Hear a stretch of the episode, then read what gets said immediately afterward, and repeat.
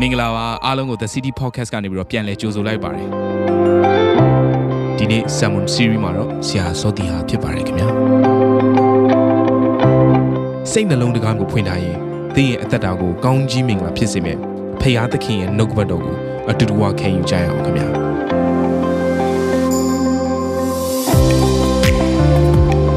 အားလုံးမင်္ဂလာပါအားလုံးကိုယေရှုခရစ်တော်ရဲ့နာမအဖြစ်နှုတ်ခွန်းဆက်ပါတယ်။ တော့တပတ်ပြီးတပတ်ကျွန်တော်2021ကိုကျွန်တော်ကြော်ဖြတ်လာကြတဲ့အခါမှာဒီနေ့အသင်းတော်ကနေပြီးတော့ဘုရားခင်အနိုးစော်ခြင်းအဖြစ်ဆေလို့တဲ့နှုတ်ကပတ်တော်တွေအဖြစ်ရောက်စီတိုင်းအသက်တာထဲမှာကောင်းကြီးဖြစ်မယ်လို့ယုံကြည်တယ်ဘုရားသခင်ဟာနေ့ရက်တိုင်းမှာကျွန်တော်တို့ကိုဆက်လက်ပို့ဆောင်နေတယ်။ဆေလို့ရှားစရာတွေအများကြီးပါပဲ။ပထမတစ်ခုကတော့အခုလာမယ့် February လနောက်လာထဲမှာကျွန်တော်တို့ယဉ်ချင်းမင်္ဂလာရှိပါတယ်အဲ့တော့ဘုရားသခင်ရဲ့ကျေးဇူးတော်ပါပဲ ဧဝံဂေလိသတင်းစကားကိုလည်းကျွန်တော်တို့ဝေမျှနေတဲ့အခါမှာဒီဧဝံဂေလိသတင်းစကားအဖြစ်အသက်တာပြောင်းလဲတော်သူတွေရှိသလိုအစကတည်းကယုံကြည်သူဖြစ်တော်လဲပဲယေရှုခရစ်တော်ရဲ့ကယ်တင်ခြင်းယေရှုခရစ်တော်เนาะကျွန်တော်တို့အတွက်လှုပ်ဆောင်ပေးခဲ့တဲ့အရာကိုကောင်းကောင်းသဘောမပေါက်တဲ့အခါမှာเนาะလွတ်မြောက်ခြင်းမရသေးသောသူများလည်းရှိကြပါတယ်သို့တော်လည်းပဲအခုတော့နှုတ်ကပတ်တော်ကိုရသွားတဲ့အခါမှာသူတို့ရဲ့အသက်တာမှာလွတ်မြောက်ခြင်းခံစားရတယ်ဒါကြောင့်ယနေ့ချင်းမင်္ဂလာကျွန်တော်ယူဖို့ရန်ရှိပါတယ်အဲ့တော့ရက်ကိုတော့အတိအကျမသတ်မှတ်ထားသေးပါဘူးဒါပေမဲ့ ယနေ့ချင်းမင်္ဂလာခံဖို့ရန်အတွက်စိတ်ဝင်စားတယ်ဒါမှမဟုတ်ရင်လည်းယေရှုခရစ်တော်အကြောင်းကိုပို့ပြီးတော့သိကျင်တယ်ဆိုတော့သူများကျမ်းစာသင်တန်းလဲခံယူခြင်းတယ်ဆိုတော့သူများရှိတယ်ဆိုရင်ကျွန်တော်တို့ဒီယနေ့ချင်းမင်္ဂလာနဲ့ပတ်သက်သောနော် contact information လေးတွေကျွန်တော်ပေးထားပါတယ်အဲ့တော့သူတို့စီကိုဆက်သွယ်ပြီးတော့ဖုန်းခေါ်ပြီးတော့ပဲဖြစ်ဖြစ် message ပေးပို့ခြင်းအပြင်တော့၎င်းကျွန်တော်တို့ဆက်သွယ်ပြီးတော့နာမည်စရင်းပေးသွင်းနိုင်ပါတယ်ဆိုတဲ့အကြောင်းအရင်ဆုံးနှိုးဆော်ခြင်းတယ်နောက်တစ်ခုကတော့နောက်လာမယ့်တပတ် Sunday မှာเนาะအခုလာမယ့် Sunday မှာကျွန်တော်တို့ အာအစီအစဉ်လေးပေါ့เนาะတပတ်သေးပဲကျွန်တော်အပြောင်းလဲလေးရှိပါတယ်အဲ့ဒါလေးအရှိမကြော်ညာထားပြီးသားဖြစ်တယ်ထပ်ပြီးတော့အချိန်မှားမှာဆိုတော့ကျွန်တော် remind လုပ်ချင်ပါတယ်လို့အဲ့ဒါကတော့မနေ့9နာရီအချိန်လေးကိုကျွန်တော်တို့10နာရီခွဲခဏလေးပြောင်းထားပါတယ်3နာရီကတော့ပုံမှန်တိုင်းပဲရှိပါတယ်အဲ့တော့ဒီနေ့ကျွန်တော်ဝင်ကားမယ့်နှုတ်ကပတ်တော်ကိုเนาะရှေ့လာမယ့်အပတ်မှာလဲเนาะဆက်လက်ပြီးတော့ဒုတိယပိုင်းအနေနဲ့ဝင်ကားမှာဖြစ်တယ်အဲ့တော့ဒီနေ့နှုတ်ကပတ်တော်ကနော်ဘာလဲဆိုရင်ကျွန်တော်တို့ရဲ့ရှာအကြောင်းကိုပြောမှာဖြစ်တယ်အဲ့တော့ဒီနေ့ရဲ့ခေါင်းစဉ်က ကျမ်းမာသောရှာဆိုတော့ဒီလိုမျိုးခေါင်းစဉ်ပေါ့နော်ကျမ်းမာသောရှာလို့ပြောလိုက်တဲ့အခါမှာမကျမ်းမာသောရှာများရှိသလားဆိုရင်ရှိပါတယ်အဲ့တော့ကျွန်တော်တို့လူသားဆိုတဲ့နော်ကျွန်တော်တို့ရဲ့အသက်တာကအပြစ်ဆိုတဲ့ဒုစရိုက်အပြစ်ဆိုတဲ့စိုးညစ်ခြင်းနော်မိုင်မဲခြင်းမှောင်မိုက်ဆွဲအရာအသက်တာကိုရောက်လာတဲ့အခါမှာချုံနှောင်ခြင်းတွေရောက်လာတဲ့အခါမှာကျွန်တော်တို့ရဲ့အသက်တာမှာနော်ညဉ့်ညူးခြင်းတွေဖြစ်လာတယ်အထူးသဖြင့်ကိုယ်ခန္ဓာနဲ့ပတ်သက်တဲ့အရာမှာဒီရှာနှုတ်နဲ့ပတ်သက်တဲ့အရာမှာ ပြောသောစကားတွေဟာညဉ့်ညူးခြင်းဆိုတဲ့အရာကိုရောက်လာတယ်မချမ်းမာခြင်းတွေဖြစ်လာတယ်ကိုပြောတဲ့စကားအဖြစ်လူတွေရဲ့အသက်သေးဆုံးဒီအထိကိုပြောတဲ့စကားအဖြစ်လူတွေရဲ့အသက်တာမှာဝမ်းနေခြင်းကြေကွဲခြင်းတွေမလွတ်မြောက်နိုင်ခြင်းတွေနော်စိတ်ဆိုးခြင်းတွေဖြစ်တဲ့အထိတက်ရောက်မှုရှိသလိုပြောတဲ့လူရဲ့အသက်တာထဲမှာလည်းညဉ့်ညူးခြင်းရှိတယ်နှလုံးသားကမစင်ကြယ်ခြင်းရှိတယ်ဒီနှလုံးသားမစင်ကြယ်လို့လေနှုတ်ရှာပါးစကားထွက်လာတဲ့စကားတွေကမစင်ကြယ်ဘူးဒါကြောင့်ဒီနေ့ကျွန်တော်တို့ရဲ့အသက်တာမှာအရေးကြီးတဲ့ဒီရှာနှုတ်ရှာပါဇက်ဒီ ကျမ်းမာဖို့လိုတယ်ဒါကြောင့်ဒီနေ့ခေါင်းစဉ်ကကျမ်းမာသောရှာဖြစ်ပါတယ်အဲ့တော့ရှေ့လာမယ့်တစ်ပတ်မှာလည်းဒီနှုတ်ရှာပါဇက်နဲ့ပတ်သက်တဲ့နှုတ်ကပတ်တော်ကိုပဲကျွန်တော်ဆက်လက်ပြီးတော့အာဝင်ငှချင်ပါတယ်အထူးသဖြင့်ညနေပိုင်းပေါ့နော်3နာရီအချိန်မှာကျွန်တော်ရှေ့တစ်ပတ်မှာဝင်ငှမှာဖြစ်တယ်တော့အဲ့ဒီချိန်ကြရင်လည်းအာကျွန်တော်ဝင်ငှမဲ့နှုတ်ကပတ်တော်ခေါင်းစဉ်ကရှာလို့ဖြစ်ပေမဲ့တခြားအကြောင်းအရာတစ်ခုကျွန်တော်ဝင်ငှမှာဖြစ်တယ်အဲ့တော့ဒီနေ့ကျွန်တော်တို့ကျမ်းမာသောရှာအရောက်စီတိုင်းအသက်တာထဲမှာရှိဖို့ရန်အတွက်နှုတ်ကပတ်တော်အဖြစ်ကျွန်တော်လေ့လာကြအောင်အာမင်အဲ့တော့ဆာလံ34 ကိုကျွန်တော်စပြီးတော့ဖတ်ချင်ပါတယ်အဲ့ဒီဆာလံ34ဟာရှာကိုကျွန်တော်တို့เนาะအာထိမ့်ချုံနိုင်ခြင်းအပြင်ဒီရှာဟာเนาะမူတာစကားဆိုတဲ့အရာကိုပယ်ခြင်းပယ်ခြင်းအပြင်ဒီရှာဟာကျမ်းမာခြင်းအပြင်ကျွန်တော်တို့ရဲ့အသက်တာမှာဘာတွေကောင်းစားသွားနိုင်လဲဆိုတာကိုဖော်ပြထားတဲ့အရန်ကောင်းတဲ့ကျမ်းစာလေးဖြစ်တယ်အချင်းတငယ်တို့လာကြလော့ငါစကားကိုနားထောင်ကြလော့သာရဘုရားကိုကြောက်ရွံ့ခြင်းတရားကိုသင်တို့အားငါသွန်သင်မည်ဆိုတော့ဒီကျမ်းပိုက်လေးမှာထာဝရဘုရားကိုကြောက်ရွံ့ခြင်းတရားဆိုတဲ့ fear of the lord ဘုရားသခင်ကိုကြောက်ရွံ့ခြင်းဆိုတဲ့အရာဘာလဲဆိုတော့ငါမင်းတို့ကိုသင်ပေးမယ်ဒီကျွန်တော်တို့အသင်းတော်ကအတ္တတာတန်ရှင်းခြင်းနဲ့ပတ်သက်ရင်ဘုရားသခင်ကိုကြောက်ရွံ့ခြင်းယိုသေးခြင်းဘုရားနောက်ကိုလိုက်ခြင်းဆိုတဲ့အရာနဲ့ပတ်သက်ရင်ကျွန်တော် compromise လုံးဝမလုပ်ပါဘူးเนาะဒါကလုပ်လို့ရတဲ့အရာတစ်ခုလည်းမဟုတ်ဘူးအဲ့တော့ကျွန်တော်တို့အသင်းတော်ကိုဘာသွန်သင်လဲเนาะတစ်ဖက်မှာဘုရားရှင်မေတ္တာနဲ့အပြစ်ခွင့်လွှတ်ခြင်းကိုသွန်သင်တယ်လို့တစ်ဖက်မှာတန်ရှင်းခြင်းဆိုတဲ့အတ္တတာဘုရားသခင်ကိုကြောက်ရွံ့ခြင်းဆိုတဲ့အသက်တာ ဒါကိုနေ့တိုင်းအသက်ရှင်ဖို့ရတော့ကျွန်တော်တွန်းသင်ပါတယ်ကဲဒါဆိုရင်ဘုရားကိုကြောက်ရွံ့ခြင်းလို့ပြောလာတဲ့ခါမှာဘာကိုဆိုလိုချင်တာလဲတော့ဒီနေ့မှာတော့ဘုရားသခင်ကိုကြောက်ရွံ့ခြင်းဟာနှုတ်ရှာပါစက်နဲ့ဘလို့များပတ်သက်တယ်လဲကျမ်းစာလေးမှာရေးထားပါတယ်ဆက်ဖက်ခြင်းနဲ့ကောင်းမွန်သောအရာကိုတွေ့မြင်မိအကြောင်းအသက်ရှင်ခြင်းနဲ့တကွာနေ့ရက်ကာလကိုတောင်းတလိုချင်သောသူမြည်ဒီကကိုရှာကိုမကောင်းသောအရာနဲ့ကင်းစေလော့နှုတ်ခမ်းလဲမှုတာစကားကိုမပြောစေနဲ့ဆိုတော့ဒီကျမ်းစာလေးမှာကျွန်တော်တို့ အသက်တာထဲမှာဒီနေ့ဒီထဲမှာရှိတော်သူများ2021ခုနှစ်မှာအခုဒီကျမ်းစာလေးကရေးထားသလိုအသက်တာဘယ်နှယောက်များလိုချင်ကြတယ်တော့မသိဘူးဘေးနားမှာတကယ်ချင်းမိတ်ဆွေရှိရင်နော်မေးလိုက်ပါဦးနော်ဒီကျမ်းစာထဲမှာရေးထားတဲ့အသက်တာမျိုးဘလို့အသက်တာမျိုးလဲဆိုတော့ကောင်းမွန်သောအရာကိုတွေ့မြင်မိအကြောင်းနဲ့အသက်ရှင်ခြင်းနဲ့တကွနေ့ရက်ကာလကိုတောင်းတလိုချင်တော်သူမြည်သည်ကအသက်ရှင်ခြင်းနဲ့တကွကောင်းမွန်တဲ့နေ့ရက်ကာလတွေကိုဘယ်နှယောက်က2021မှာတွေ့ကြုံခံစားခြင်းလဲ နောက်တစ်ပတ်မှာတွေ့ဆုံတွေ့ကြုံခံစားခြင်းလဲဒီနေ့မှာတွေ့ကြုံခံစားခြင်းလဲဒီကျွန်တော်တို့ရဲ့နေ့ရက်အသက်ရှင်ခြင်းတိုင်းမှာဝမ်းနည်းခြင်းတွေကြေကွဲခြင်းတွေစိုးရိမ်မှုတွေပူပန်မှုတွေနော်စိတ်ပြတ်မှုတွေနဲ့တွားနေရတယ်ဆိုတော့အသက်တာဟာဒါကောင်းတဲ့အသက်တာမဟုတ်ဘူးလေဒါအားလုံးသိပါတယ်စိန်ခေါ်မှုတွေအများကြီးရှိတယ်ဒါပေမဲ့ကျမ်းစာကဘာပြောလဲကောင်းသောနေ့ရက်ကာလတွေကိုဘယ်လိုပုံစံနဲ့ကျွန်တော်တို့ရနိုင်လဲဆိုရင်တဲ့ကိုရှာကိုမကောင်းသောအရာနဲ့ကင်းစေလောနှုတ်ခမ်းလဲမှုသာစကားကိုမပြောစေနဲ့ အဲ့တော့ကိုယ့်ရဲ့နေ့စဉ်အသက်တာမှာကောင်းမွန်သောနေ့ရက်ကာလကိုပိုင်ဆိုင်ရရှိဖို့ရတဲ့ဒီနှုတ်ရှာပါဇက်ကအရေးကြီးလာတယ်ဆိုတဲ့အရာလေးကိုကျမ်းစာမှာရှင်းရှင်းလင်းလင်းဖော်ပြထားတယ်ဒါဟာဘုရားသခင်ကိုကြောက်ရွံ့ခြင်းနဲ့လည်းဆိုင်တယ်ကိုယ့်ရဲ့အသက်တာထဲမှာကောင်းမွန်တဲ့နေ့ရက်ကာလတွေကိုလိုချင်တဲ့သူကတော့မိမိရဲ့နှုတ်ရှာပါဇက်ကိုထိန်းနိုင်တော်သူဆိုတဲ့ဒီ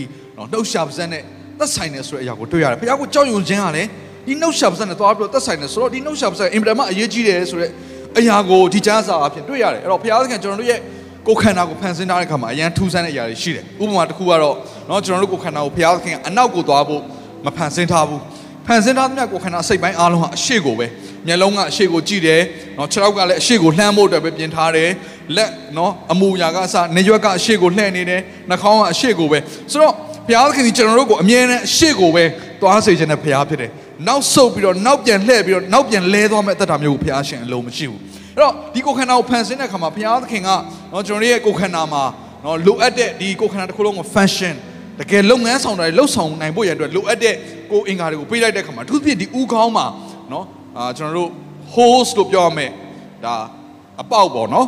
ဒါဒီကိုယ်ခန္ဓာတွေကိုဝင်ချင်းထွက်ချင်းနဲ့ဆိုင်တဲ့အပေါက်စုစုပေါင်းနော်ခုနှစ်ခုရှိတယ်ဒါမျက်လုံးနော်မျက်လုံးဆိုနှစ်ဒါနော်မျက်လုံးနှလုံးဆိုတာနှစ်ပေါက်ဖြစ်မယ်နှာခေါင်းမှာဆိုရင်လည်းအသက်ရှူတဲ့ နော်ကျွန်တော်နှာခေါင်းပေါက်နှစ်ပေါက်ရှိတယ်အဲ့လိုပဲနော်နေရွက်နော်ဟိုဘက်ဒီဘက်နှစ်ပေါက်ရှိတယ်ဒါပေမဲ့ပါးစပ်မှာကျတော့နှစ်ပေါက်ဆိုတာမရှိဘူးနော်အဲ့တော့အခုတခုတည်းတောင်တော်တော်လေးကျွန်တော်ဒုက္ခရောက်နေတာနော်စားဖို့လည်းကျွန်တော်ဒုက္ခရောက်တယ်နှုတ်ဆက်ပါးစပ်ကပြောလိုက်တဲ့စကားတွေကိုလည်းတော်တော်လေးနော်ထိန်းရတယ်တိန်းရတယ်ဒီနှုတ်ကမပြောသင့်တဲ့ຢာတွေကိုပြောမိတဲ့ခါမှာလည်းမမျော်လင့်ထားတဲ့ပြဿနာတွေကိုယ့်ရဲ့ဘဝတွေကိုရောက်လာတယ်အဲ့တော့ကျေးဇူးတော်ပဲနော်နှုတ်ဆက်ပါးစပ်ကိုဘုရားက တပေါက်တည်းဖန်ဆင်းပေးလိုက်တယ်ဆိုတော့ကျန်တဲ့ຢာတွေကတော့နှစ်ခုနှစ်ခုစီလောက်ရပါမယ်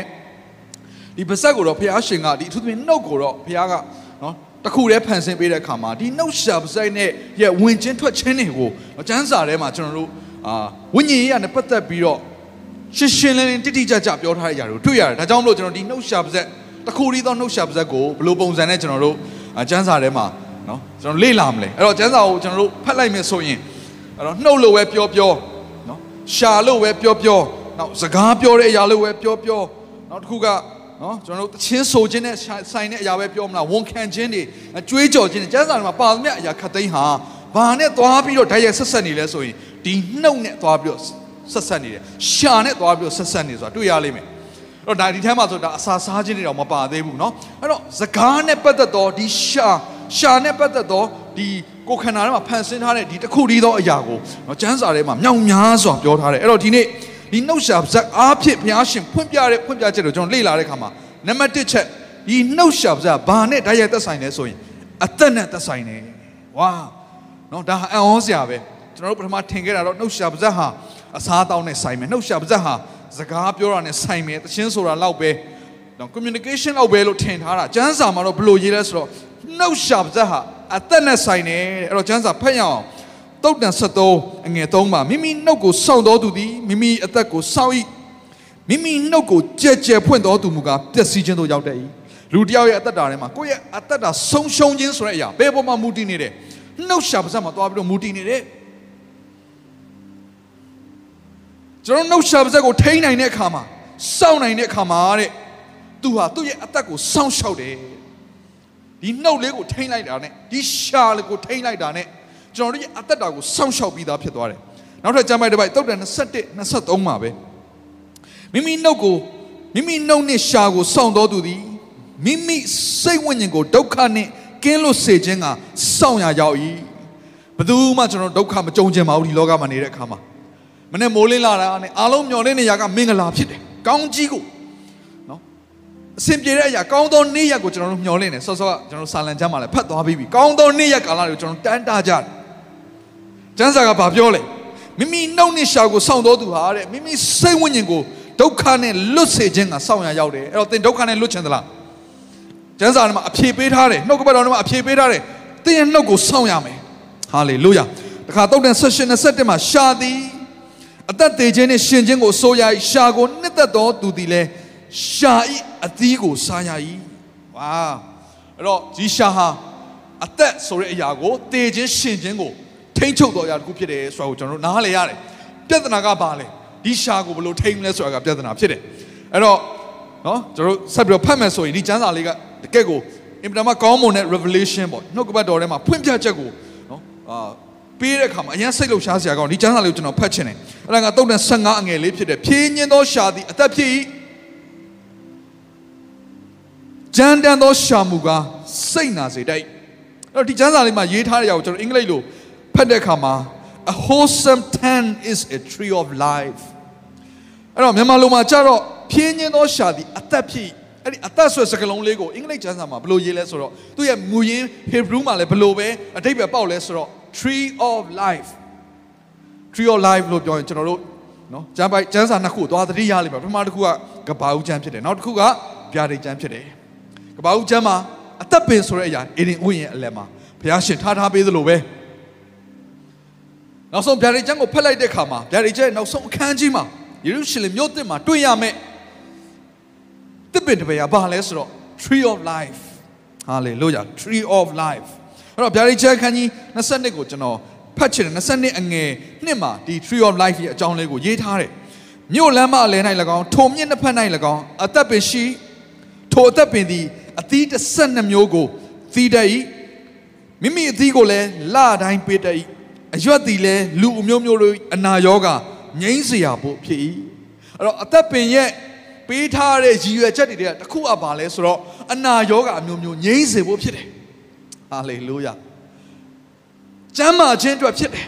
ကြောင့်ဒီနေ့ကျွန်တော်တို့ရဲ့ရှာဟာကျမ်းမာခြင်းကိုပေးနိုင်တဲ့ရှာဖြစ်တယ်ဆိုတာကိုကျွန်တော်တို့သဘောပေါက်ဖို့လိုသလိုဒီရှာအားဖြင့်လည်းအသက်သေးသည်ထိယောဂါကိုပေးနိုင်တဲ့ရှာဖြစ်တယ်ဆိုတော့ကျွန်တော်သဘောပေါက်ဖို့လိုတယ်ဒါကြောင့်ဒီရှာကိုထိန်းနိုင်ပြီဆိုရင်ကျွန်တော်တို့ကအသက်သေးခြင်းနဲ့ရှင်ခြင်းကိုတော့မှထိန်းချုပ်နိုင်သောဒီနေ့ကောင်းကြီးမင်္ဂလာကိုဆင်လွတ်နိုင်သောရှာအမင်္ဂလာကိုဆင်လွတ်နိုင်သောရှာအဖြစ်အသုံးပြုနိုင်တယ်ဆိုတော့ကျွန်တော်တို့တွေ့ရမယ်ကျွန်တော်တို့ကတော့ယုံကြည်သူတွေဖြစ်တယ် ဘုရားသခင်ကျွန်တော်တို့ဒီလောကမှာထားထားတဲ့အခါမှာကျွန်တော်တို့အသက်တာမှာရှိတဲ့ຢာကိုစီးထွက်သွားစေခြင်းကျွန်တော်စီကစီးရမယ့်ຢာကဘာလဲကောင်းကြီးမင်္ဂလာအမင်္ဂလာမဟုတ်ဘူးမင်္ဂလာစီးဆင်းစေရမှာတေခြင်းမဟုတ်ဘူးအသက်ရှင်ခြင်းဒါကြောင့်ယေရှုကဘာပြောလဲနော်ရင်ငတ်တော်သူရှိတယ်ဆိုရင်ငါစီမှာလာပြီးတောက်ပါစေတဲ့နော်ငါဟာငါငါရဲ့ငါပေးသောရေကိုတောက်တဲ့သူဟာအသက်ရည်စီးထွက်ရဇန်းရည်တွင်ဖြစ်မယ်လို့ယေရှုခရစ်တော်က နှုတ်ကပတ်တော်ထဲမှာပြောတယ်။ဒါကျွန်တော်တို့ရဲ့အသက်တာဟာဘလို့အသက်တာမျိုးလဲစီးဆင်းသောအသက်တာစီးထွက်သောအသက်တာဘာကိုစီးဆင်းစေတာလဲအသက်ကိုစီးဆင်းစေတာကဲအသက်ကိုဘလို့ပုံစံနဲ့စီးဆင်းလို့ရတယ်ဒီဒီချမ်းစာအဖြစ်ကျွန်တော်တို့ဘာနားလဲရလဲဆိုတော့ကျွန်တော်တို့ရဲ့နှုတ်ရှာပါဇက်ကိုတမန်တရားနဲ့အညီဖြောက်မတ်စွာမှန်ကန်စွာသရှင်သောဝိညာဉ်တော်ဖခင်ဦးဆောင်ခြင်းအဖြစ်ဒီနှုတ်ရှာပါဇက်ကိုသုံးပြုနိုင်တယ်ဆိုရင်ဒီနှုတ်ရှာပါဇက်ကထွက်သွားသောစကားသံများကိုကြားရတော်သူများအသက်တာထဲမှာယေရှုခရစ်တော်ဖခင်ပေးသောအသက်ရှင်ခြင်းအကြောင်းကိုရှာတွေ့ပါလိမ့်မယ် အာမင်ကျွန်တော်တို့အာတပတ်တစ်ကိုဖတ်တဲ့အခါမှာလည်းအေဝံဂေလိသတင်းစကားနဲ့ပြောထားတဲ့အရာကပါလဲဆိုတော့ဟောပြောတော်သူမရှိဘူးဆိုရင်ဘသူတွေကများကြားနိုင်ပါလဲ မကြားဘူးဆိုရင်လည်းဘယ်လိုလုပ်ယုံနိုင်ပါလဲ။ဒါယေရှုခရစ်တော်ကိုယုံကြည်ခြင်းဆိုတဲ့အရာကဘယ်ကလာလဲ။ကြားနာခြင်းကလာတာ။ကြားနာခြင်းဆိုတာကဘာလဲ။ဟောပြောတော်သူရှိမှကြားနာတာ။ကြားနာခြင်းရှိဖို့ရင်ဟောပြောတော်သူကဘာကိုသုံးရလဲ။နှုတ်ရှာပါဇက်ကိုသုံးရတာ။နှုတ်ရှာပါဇက်အပြင်ဘာကိုဟောရတာလဲ။အသက်ရှင်ခြင်းနဲ့ဆိုင်သောထိုယေရှုခရစ်တော်ဘုရားရဲ့ကယ်တင်ခြင်းသတင်းစကားကျွန်တော်တို့ဟောနေရတာဖြစ်တယ်။အာမင်။ဟာလေလုယာ။ဒီဒီရှာဟာ tree of life ။ဝါဖြင်းညင်သောရှာသည်အသက်ဖြစ်၏။ ပြောချင်တိုင်းပြောနေတဲ့ရှာမဟုတ်ဘူးကြမ်းတမ်းတဲ့ရှာမဟုတ်ဘူးမူသားကိုသုံးတဲ့ရှာမဟုတ်လှည့်စားတဲ့ရှာမဟုတ်ဘူးဖြင်းညင်းသောရှာ through your life hallelujah hallelujah amen တော့ယေရှုခရစ်တော်ကဒီအပင်နဲ့ပတ်သက်တဲ့အရာဆောဆောပြောအသက်ပင်အသက်ပင်ကနေအသီးပေးတယ်ဒါလာတိုင်းမှာအသီးပေးတယ်ဆိုတဲ့အရာတော့ကျွန်တော်ဗျာဒိတ်ကျမ်းမှာဖတ်ခဲ့ပြီးပြီအဲ့တော့အပင်နဲ့အသီးနဲ့ပတ်သက်ပြီးတော့ ယေရှုခရစ်တော်ကဒီစကားနဲ့တခါတည်းဓာတ်ရိုက်ဆက်ဆက်ပြီးတော့ပြောပြသွားတဲ့အရာလေးရှိပါတယ်မှတ်သက်ခန်းကြီး7မှာဖြစ်ပါတယ်အငယ်33ကနေကျွန်တော်30ခုကိုဖတ်လိုက်မယ်ဆိုရင်အပင်နဲ့အသီးချောင်းကိုပြောပြီးတော့အပင်ရဲ့သဘောကိုသိချင်တယ်ဆိုရင်အသီးကိုကြည့်ပါတဲ့အပင်ကောင်းမှာပဲအသီးကကောင်းတာအသီးမကောင်းဘူးဆိုရင်ဒါအပင်ကမကောင်းဘူးဆိုပြီးတော့ဘာနဲ့ဆက်ဆက်ပြီးတော့ပြောလဲဆိုတော့စကားနှုတ်ရှာပါးစံနဲ့ပတ်သက်ပြီးဆက်ဆက်ပြီးပြောတယ်ဖတ်ကြည့်ဖတ်ရအောင်တူတကွာနော် အသီးအဖြစ်အပင်ဤသဘောထင်ရှားသည်ဖြစ်၍အသီးကောင်းလျင်အပင်ကောင်းသည်ဟုဆိုကြလော့အသီးမကောင်းလျင်အပင်မကောင်းဟုဆိုကြလော့အချင်းမွေဆိုးမျိုးတို့ဘသူတွေကိုပြောနေရလဲစောစောပြောသူကိုယေရှုခရစ်တော်လာရောက်စုံစမ်းနေတဲ့နော်အာဘုရားသခင်အမှုကိုဆောင်ရွက်နေတော်လဲပဲအသက်တာထဲမှာတကယ်ယေရှုတကယ်ဖခင်ကိုကြောက်ရွံ့တော်သူတွေမဟုတ်သောဖာရိရှဲတွေဇဒုခဲတွေယေပရောဟိတ်တွေကိုယေရှုကပြောနေတာဖြစ်တယ်အချင်းမွေဆိုးမျိုးတို့သင်တို့သည်အစိုးဖြစ်လျက်ကောင်းသောစကားကိုအဘယ်သို့ပြောနိုင်မည်နည်း ကပထမတစ်ပိုင်းမှာဘာပြောသွားလဲအပင်အကြောင်းပြောသွားတယ်အသီးအကြောင်းပြောသွားတယ်ကောင်းတဲ့ပင်ကပဲကောင်းတဲ့အသီးကိုပေးတာဆိုသောပင်ကဆိုသောအသီးကိုပေးမှာပဲအဲ့တော့မင်းတို့ဟာတဲ့မွေဆိုးအမျိုးဖြစ်ပြီးတော့ကောင်းတဲ့စကားကိုဘယ်လိုလုပ်ပြောနိုင်မလဲဆိုပြီးတော့ယေရှုခရစ်တော်ကနော်စိတ်နှလုံးအပြည့်ရှိသည့်တိုင်နှုတ်မွတ်တတ်၏ကောင်းသောသူသည်ကောင်းသောစိတ်နှလုံးဗန္နာတိုက်တဲ့ကကောင်းသောအရာတို့ကိုထုတ်ဖော်တတ်၏မကောင်းသောသူသည်မကောင်းသောဗန္နာတိုက်တဲ့ကမကောင်းသောအရာတို့ကိုထုတ်ဖော်တတ်၏ ငါဆိုသည်ကလူတို့သည်အကျိုးမဲ့သောစကားကိုပြောသမျှအတွက်တရားဆုံးဖြတ်သောနေ့၌စစ်ကြောခြင်းကိုခံရကြလက်တယ်။တင့်စကားများအဖြစ်သင်သည်အပြစ်လွတ်လိမ့်မည်။သို့မဟုတ်တင့်စကားများအဖြစ်အပြစ်စီရင်ခြင်းကိုခံရလိမ့်မည်ဟုမိန့်တော်မူ၏။ဝါတနေ့ကျရင်ကျွန်တော်တို့အားလုံးဘုရားသခင်ရှေ့မှာမတ်တရတဲ့ချိန်ကျရင်တုံလှုပ်เสียကောင်းတဲ့အရာတစ်ခုကဘုရားသခင်ရဲ့စစ်ဆေးခြင်းထဲမှာဒီနှုတ်ရှာပါးစကထွက်လာတဲ့စကားများကိုဘုရားသခင်ကစစ်ဆေးပြီးတော့ထိုအရာများအဖြစ်တရားစီရင်ခြင်းခံရမယ်။ ဘုရားကိုမသိသောသူများကိုပဲစစ်ဆေးမှာမဟုတ်ပါဘူးဘုရားသခင်ကိုသိသောသူများကအရင်ဦးဆုံးဦးစားပေးပြီးတော့စစ်ဆေးခံရမှာပဲချစ်တော်သူကိုဘုရားသခင်ကဆုံးမတာကိုဆိုတော့ကျွန်တော်တို့ယုံကြည်သူများကနှုတ်ကပတ်တရားကိုသိရသားနဲ့သတိပေးချက်တွေကိုသိရသားနဲ့မှားနေမယ်ဆိုရင်တော့ဘုရားသခင်ကကျွန်တော်တို့ကိုဒီနေ့နော်တရားစီရင်ခြင်းဆိုရင်တနေ့ဘုရားရှိမတ်တရတဲ့ချိန်ကြရင်လှုပ်ပေးမှာတော့မဟုတ်ပါဘူး ကျွန်တော်ဒီပတ်သက်ကျမ်းထဲမှာပေါ်လူရဲ့ကျမ်းစာတွေကိုလည်းဖတ်ရတဲ့အခါမှာဘာနားလဲရလဲဆိုတော့ဒီနေ့ကျရင်ကျွန်တော်တို့အားလုံးဘုရားသခင်ရှေ့မှာတရားစီရင်ခြင်းမှာတဲ့မယုံကြည်သောသူများကနောက်မှတရားစီရင်ခံမှာဖြစ်ပြီးတော့ယုံကြည်သောသူများကအရင်ဆုံးဘုရားရှေ့မှာမတည့်ရမှာဖြစ်တယ်မတည့်ရတဲ့အချိန်မှာဒီဒီနှုတ်ကပတ်ကျမ်းစာအဖြစ်ယေရှုကိုယ်တိုင်ပြောသွားတဲ့စကားကဘာလဲဆိုတော့တနေ့ကျရင်တရားဆုံးဖြတ်သောနေ့မှာစစ်ကြောစီရင်ခြင်းကိုကျွန်တော်ကျွန်တော်တို့ပြောခဲ့တဲ့စကားတွေအားဖြင့်စစ်ဆေးသွားမယ်တရားစီရင်မယ်ဆိုတော့ကျွန်တော်တို့နားလဲရတယ်အဲကြောင့်မို့တနေ့ကျရင်ဘုရားသခင်ကျွန်တော်တို့ကိုပြောမယ်စကားတစ်ခုကတော့ show me your tongue မင်းရဲ့နှုတ်ရှာပါးစပ်အားဖြင့်လှုပ်ဆောင်ခဲ့သမျှအားလုံးငါရှိမှာပြပါဆိုရက်နော်ကျွန်တော်တို့အားလုံးပြောသမျှစကားတစ်ခုချင်းစီတိုင်းကျွန်တော်တို့ကသာမမှတ်မိတာဘုရားကအကုန်မှတ်မိတယ်ကျွန်တော်တို့ကဘုရားသခင်ကိုဆုတောင်းတဲ့အခါမှာဆုတောင်းချက်တွေကိုမှတ်ခိုင်းတယ်ဘုရားသခင်ကဘယ်တော့မှမေ့တယ်ဘုရားမဟုတ်ဘူးကျွန်တော်တို့ကသာဆုတောင်းချက်တွေကိုမေ့သွားတယ်ဘုရားသခင်ဘယ်တော့မှမမေ့ဘူးတခါတလေကိုဆုတောင်းချက်ကနော်ဆုတောင်းခဲ့တဲ့နှစ်ပေါင်းချီပြီးကြာပြီကိုလည်းဆုမတောင်းတော့ဘူးဒါပေမဲ့နောက်ဆုံးမှဘုရားကအပြေပေးတယ် ကျွန်တော်တို့ကမေ့တယ်ဘုရားကမမေ့ဘူးဒီဆုတောင်းချက်ကိုမမေ့တဲ့ဘုရားကကျွန်တော်တို့ပြောတဲ့စကားတွေကိုလည်းမေ့မှာမဟုတ်ဘူးကြောင့်ဒီနေ့ကျွန်တော်တို့နှုတ်ဆက်ပါးစပ်ကိုထိန်းနိုင်ပြီဆိုရင်ဒီနှုတ်ဆက်ပါးစပ်အဖြစ်တနေ့ကျရင်ဘုရားသခင်ရှေ့မှာလွတ်ချင်းချမ်းသာစရာအကြောင်းရှိတယ်ဒီနှုတ်ဆက်ပါးစပ်ကကောင်းသောစကားဒီနှုတ်ဆက်ပါးစပ်ကအသက်ရှင်ခြင်းစကားအေဝံဂေလိသတင်းစကားနှုတ်ကပတ်တော်နဲ့ကယ်တင်ခြင်းတွေကိုပြောနေမယ်ဆိုရင်တော့ဒီနှုတ်ရှာပါးစပ်ကြောင့်ကျွန်တော်ဆုရလိမ့်မယ်ဒီနှုတ်ရှာပါးစပ်ကြောင့်ဘုရားရှိခိုးချီးမွမ်းညောခံရလိမ့်မယ်ဟာလေလုယာဒါပေမဲ့အကျိုးမဲ့သောစကားတွေမုတာစကားကြမ်းတမ်းသောစကားတွေ ဒေါသအမျက်နဲ့ဆိုင်သောအရာတွေလှည့်စားခြင်းနဲ့ဆိုင်တဲ့စကားတွေကိုတုံးပြီဆိုရင်ဒါတွေအားဖြင့်လဲအပြစ်လွတ်မယ်လို့မထင်ပါနဲ့ဒါကြောင့်ဒီနေ့ဒီနှုတ်ကပတ်တော်ကိုကြားတဲ့အခါမှာနောင်တရပြီးတော့ဘုရားသခင်စီတွန်းဝင်ရအောင်ဒီကျွန်တော်တို့ယုံကြည်သူများကိုကျမ်းစာထဲမှာသူတို့သမီးနဲ့ခိုင်းနိုင်ထားပါတယ်သူတို့သမီးအဲ့တော့သူတို့သမီးနဲ့ပတ်သက်တဲ့အကောင်းဆုံးသောနှုတ်ကပတ်တော်ဘယ်မှာတွေ့ရလဲဆိုတော့ရှောလမုန်သခင်ဖြစ်တယ်ရှောလမုန်သခင်ဟာခရစ်တော်နဲ့သူတို့သမီးသည်ဟူသောယုံကြည်သူများဘလို့ပုံစံနဲ့ချစ်ကျွမ်းဝင်လဲဆိုတဲ့အရာ သူတို့သားဘက်ကဘာတွေမျှော်လင့်ထားလဲဆိုတဲ့အရာသူတို့သမီးဘက်ကဘာတွေပြင်ဆင်ရမလဲဆိုတဲ့အရာကိုဖော်ပြထားတဲ့ကျမ်းစာဖြစ်တယ်အဲ့ထဲမှာပါတဲ့နှုတ်ကပတ်ကျမ်းစာအရင်ပဲကောင်းပါတယ်ရှောလမုန်ချင်းခန်းကြီးလေးအငယ်သုံးမှာဘလို့ရေးထားလဲဆိုတော့နှုတ်ခမ်းသည်လဲနီးတွဲသောကြိုးနှင့်တူ၏စကားတန်လဲတာယာပေ၏ကဲအဲ့တော့ဒီကျမ်းစာလေးအစကဖတ်လိုက်မယ်ဆိုရင်သရိုးသမီးတယောက်မှာနော်ဒီသရိုးသမီးဆိုတဲ့ဒီအမျိုးသမီးတယောက်ရဲ့နော်ကိုယ်အင်္ဂါအစိတ်ပိုင်းတွေကို နော်သူတို့သားကချီမွမ်းခံဖွင့်ထားတဲ့အရာသူဖြစ်ချင်တဲ့အရာသူမျှော်လင့်ထားတဲ့ဒီအလှပတွေကိုဖော်ကျူးထားတဲ့အရာဖြစ်ပါတယ်အဲ့ဒီမှာဘာပါလာလဲဆိုတော့နှကန်းဆိုတဲ့အရာပါလာပြီနှကန်းသည်လည်းหนีတွေးသောဂျိုးနှင့်တူဤစကားတန်လည်းသားရပေ၏ကဲအငယ်၁၁မှာဆိုရင်ငါခင်ပွန်သင်နှကန်းသည်ပြားလဖို့ကဲ့သို့ယိုတဲ့ရှာအောက်မှာနို့နှင့်ပြားရည်ရှိအဲ့တော့သူတို့သမီးတယောက်မှာနော်မျက်လုံးတစ်ခုပဲလှတာမျိုး ဒါသူတို့သားဘက်ကမျှော်လင့်တာမဟုတ်ဘူးဒီကျမ်းစာအရဆိုရင်နော်အစကနေဖတ်လိုက်မယ်ဆိုရင်ဒါတကူလုံးမှာရှိသပင်အကြောင်းသူပြောမယ်နော်ဒါမျက်နှာနဲ့ပတ်သက်တဲ့အရာကိုပြောမယ်အဲ့ညမှာဘာပါလာလဲနှုတ်ရှာပါဇက်နဲ့ပါလာတယ်အဲ့နှုတ်ရှာပါဇက်ကနေပြီးတော့ထွက်လာတဲ့အတန်ကဘလို့အတန်လဲတာယာတဲ့အတန်တဲ့ဒါဆိုသတို့သားဖြစ်တဲ့ယေရှုခရစ်တော်ကယုံကြည်သူကျွန်တော်တို့စီကမျှော်လင့်တဲ့အတန်ဒီနှုတ်ဆက်သက်ကထွက်လာတဲ့အတန်ကဘာဖြစ်ဖို့လို့လဲတာယာသောအတန်ဟယ်လိုညာတဲ့သတို့သမီးကိုယေရှုခရစ်တော်မလိုခြင်းဘူး လှည့်စားတဲ့သူတို့သမီးကိုယေရှုခရစ်တော်မလို့ခြင်းဘူးအတင်းဖြင်းပြောတဲ့စကားတွေကိုသုံးတဲ့သူတို့သမီးကိုယေရှုခရစ်တော်မလို့ခြင်းဘူးတာယာသောစကားသံဟာလေလုယာဖြင်းညင်းသောစကားသံဒီနေ့အသက်ဖြစ်စေတဲ့စကားသံထွက်သောနှုတ်ရှာပါဆက်ယုံကြည်သူတွေစီကနေပြီးတော့ယေရှုခရစ်တော်မျှော်လင့်နေတယ်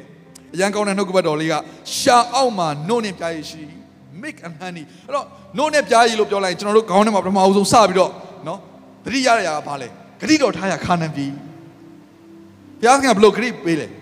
နို့နဲ့ပြားရည်စီးသောပြည်ကိုမင်းတို့ကငါပို့ဆောင်မယ်လို့ပြောတာကိုဂတိတော်ပြည်ကျွန်တော်ပြောပြမယ်ဒီနေ့နို့နဲ့ပြားရည်စီးသောထုတ်ဂတိတော်နဲ့ဆိုင်သောကောင်းကြီးမင်္ဂလာဘာမှရှိလဲရှားအောင်မှာရှိတာလေလို့ရဟာအရန်ကောင်းတဲ့ revelation ပဲအာမင်အရန်ကောင်းတဲ့နော်နှုတ်ကပတ်တော်ပဲအဒီနှုတ်ကပတ်တော်ကိုကျွန်တော်ဖတ်တဲ့အခါမှာဒီနှုတ်ကပတ်တော်ရဲ့ဖွင့်ပြခြင်းတွေကိုအာခံစားတဲ့အခါမှာဝါဂတိတော် ဂတိတော်နဲ့ဆိုင်သောຢာကျွန်တော်တို့ကတခါတည်းမှာဂတိတော်ဆိုတဲ့ຢာတချို့တွေကအမေရိကလို့ထင်တတ်တယ်တချို့တွေကဂတိတော်လို့ပြောတဲ့အခါမှာဒီနေ့နော်အကောင်းဆုံးသောအိမ်တို့ကားတို့ထင်တတ်တယ်အချို့သောသူတွေကဂတိတော်လို့ပြောတဲ့အခါမှာအကောင်းဆုံးသောအလောက်ကင်လို့ထင်တတ်တယ်အချို့ကလည်းအစ္စရေးနိုင်ငံကိုဂတိတော်မြေလို့နော်ဒါနှုတ်ကပတ်ချမ်းစာအရကျွန်တော်တို့ကယူဆကြတယ်ကျွန်တော်ပြောပြမယ်ဒီနေ့ ဂတိတော်ဘုရားသခင်ကောင်းကြီးမင်္ဂလာဂတိတော်နဲ့ဆိုင်သောအရာနို့နဲ့ပြားရေးစီးသောအရာအဝေးကြီးမှမရှိပါဘူးညီကောင်မောင်တို့သင်ရဲ့နှုတ်ရှာမှာရှိနေတယ်ဟာလေလုယာသင်ရဲ့နှုတ်ရှာပါဇက်ကိုကောင်းမွန်စွာသုံးတတ်ပြီဆိုရင်အဲ့ဒီနှုတ်ရှာပါဇက်တွေကဘာတွေထွက်လာမလဲအဲ့ဒီဂတိတော်နဲ့ဆိုင်သောဂတိတော်မြင်နဲ့ဆိုင်သောကောင်းကြီးမင်္ဂလာအလုံးစုံကအဲ့ဒီနှုတ်ရှာပါဇက်တွေကနေစီးဆင်းလာတော့မှဖြစ်တယ်ဒီနေ့ပဲသင်ရဲ့နှုတ်ရှာပါဇက်ကိုကောင်းကြီးမင်္ဂလာဖြစ်စေပါဘုရားသခင်နဲ့ဆိုင်သောဂတိတော်တွေကိုဆေလွတ်သောနှုတ်ရှာပါဇက်ဖြစ်စေပါအာမင်အဲ့ဒါယေရှုခရစ်တော်က သူတနေ့မှာချစ်ကျွမ်းဝင်မဲ့လက်ထက်မဲ့သူတို့သမီးဖြစ်တယ်ယုံကြည်သူဆိုတာသူရဲ့နှုတ်ဆက်ကဘာတွေစီးထွန်းနေဖို့လိုတယ်နှုတ်နဲ့ပြားရည်ဘာကိုဆိုလိုတာလဲကောင်းကြီးမင်္ဂလာကိုပြောနေတာညိတ်သက်ခြင်းကိုပြောနေတာလွတ်မြောက်ခြင်းကိုပြောနေတာကျမ်းမာခြင်းကိုပြောနေတာတတ်တာခြင်းကိုပြောနေတာတာယာခြင်းကိုပြောနေတာဟာလေလုယာဒီနှုတ်ဆက်ကထွက်သောစကားသံများဟာဘုရားရှင်ရဲ့ အမွေဖျားရှင်ပေးသောအမွေဖျားရှင်ပေးသောကောင်းကြီးမင်္ဂလာနဲ့ဓာတ်ရိုက်သက်ဆိုင်နေပါတယ်အာမင်ဟာလေလုယာကျွန်တော်ရဲ့အသက်တာမှာကောင်းသောအကျင့်တွေညောင်များစွာဘလောက်ပဲများပါစေဒီနှုတ်ရှာပါးကိုမထိန်နိုင်ဘူးဆိုရင်တဲ့အချင်းဒီပဲတဲ့ကျမ်းစာဖတ်ခြင်းနဲ့ကျမ်းစာဖတ်ခြင်းနဲ့နောက်ထပ်ဖွင့်ပြချက်တစ်ခုပေါ့